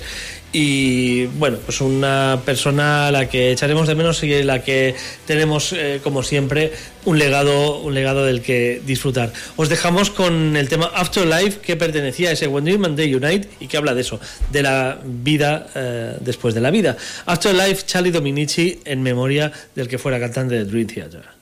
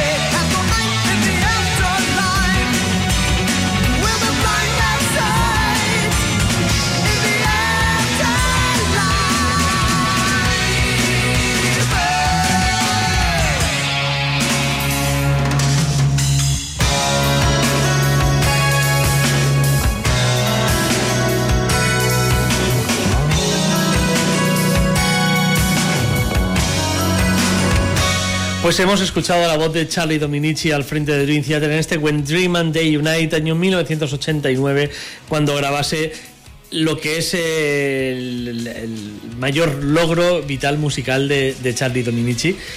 Y bueno, un tema este, este Afterlife que no es el tema clásico de Dream Theater, pero sí que es muy interesante en algún, bueno, eh, para ver cómo Dream Theater son capaces de hacer una canción bastante normal, pero sí es cierto que John Petrucci no es capaz de hacer un solo normal. Eso sí, la escala que yo llamo Hotel California, presente en este solo,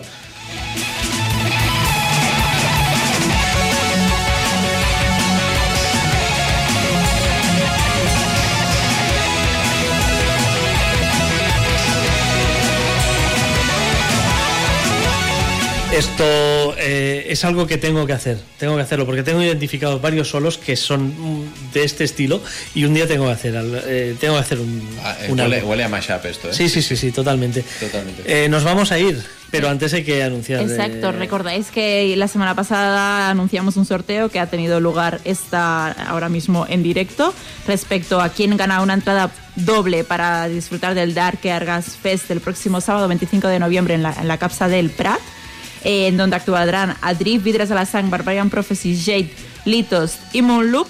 Y la persona ganadora es Vane Basek Jorn, eh, el sobrenombre de Instagram, eh, que ha ganado esta entrada doble.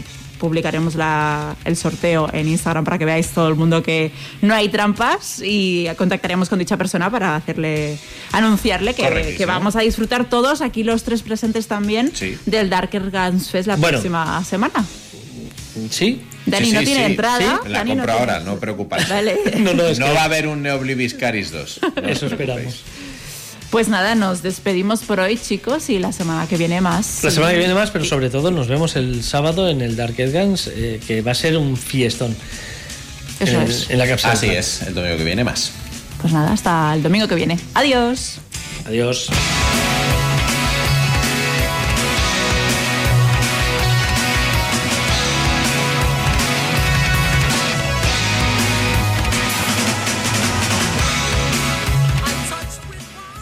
Día. Te esperamos el próximo programa con lo mejor del metal.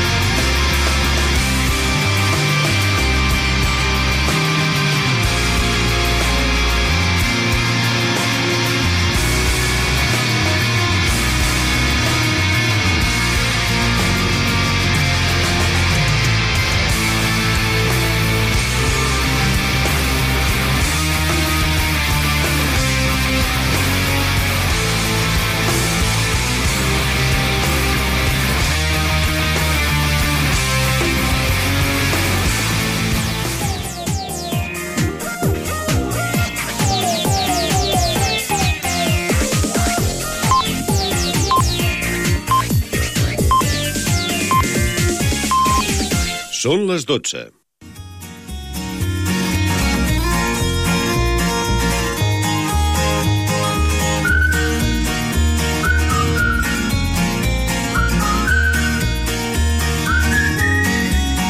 Molt bona nit.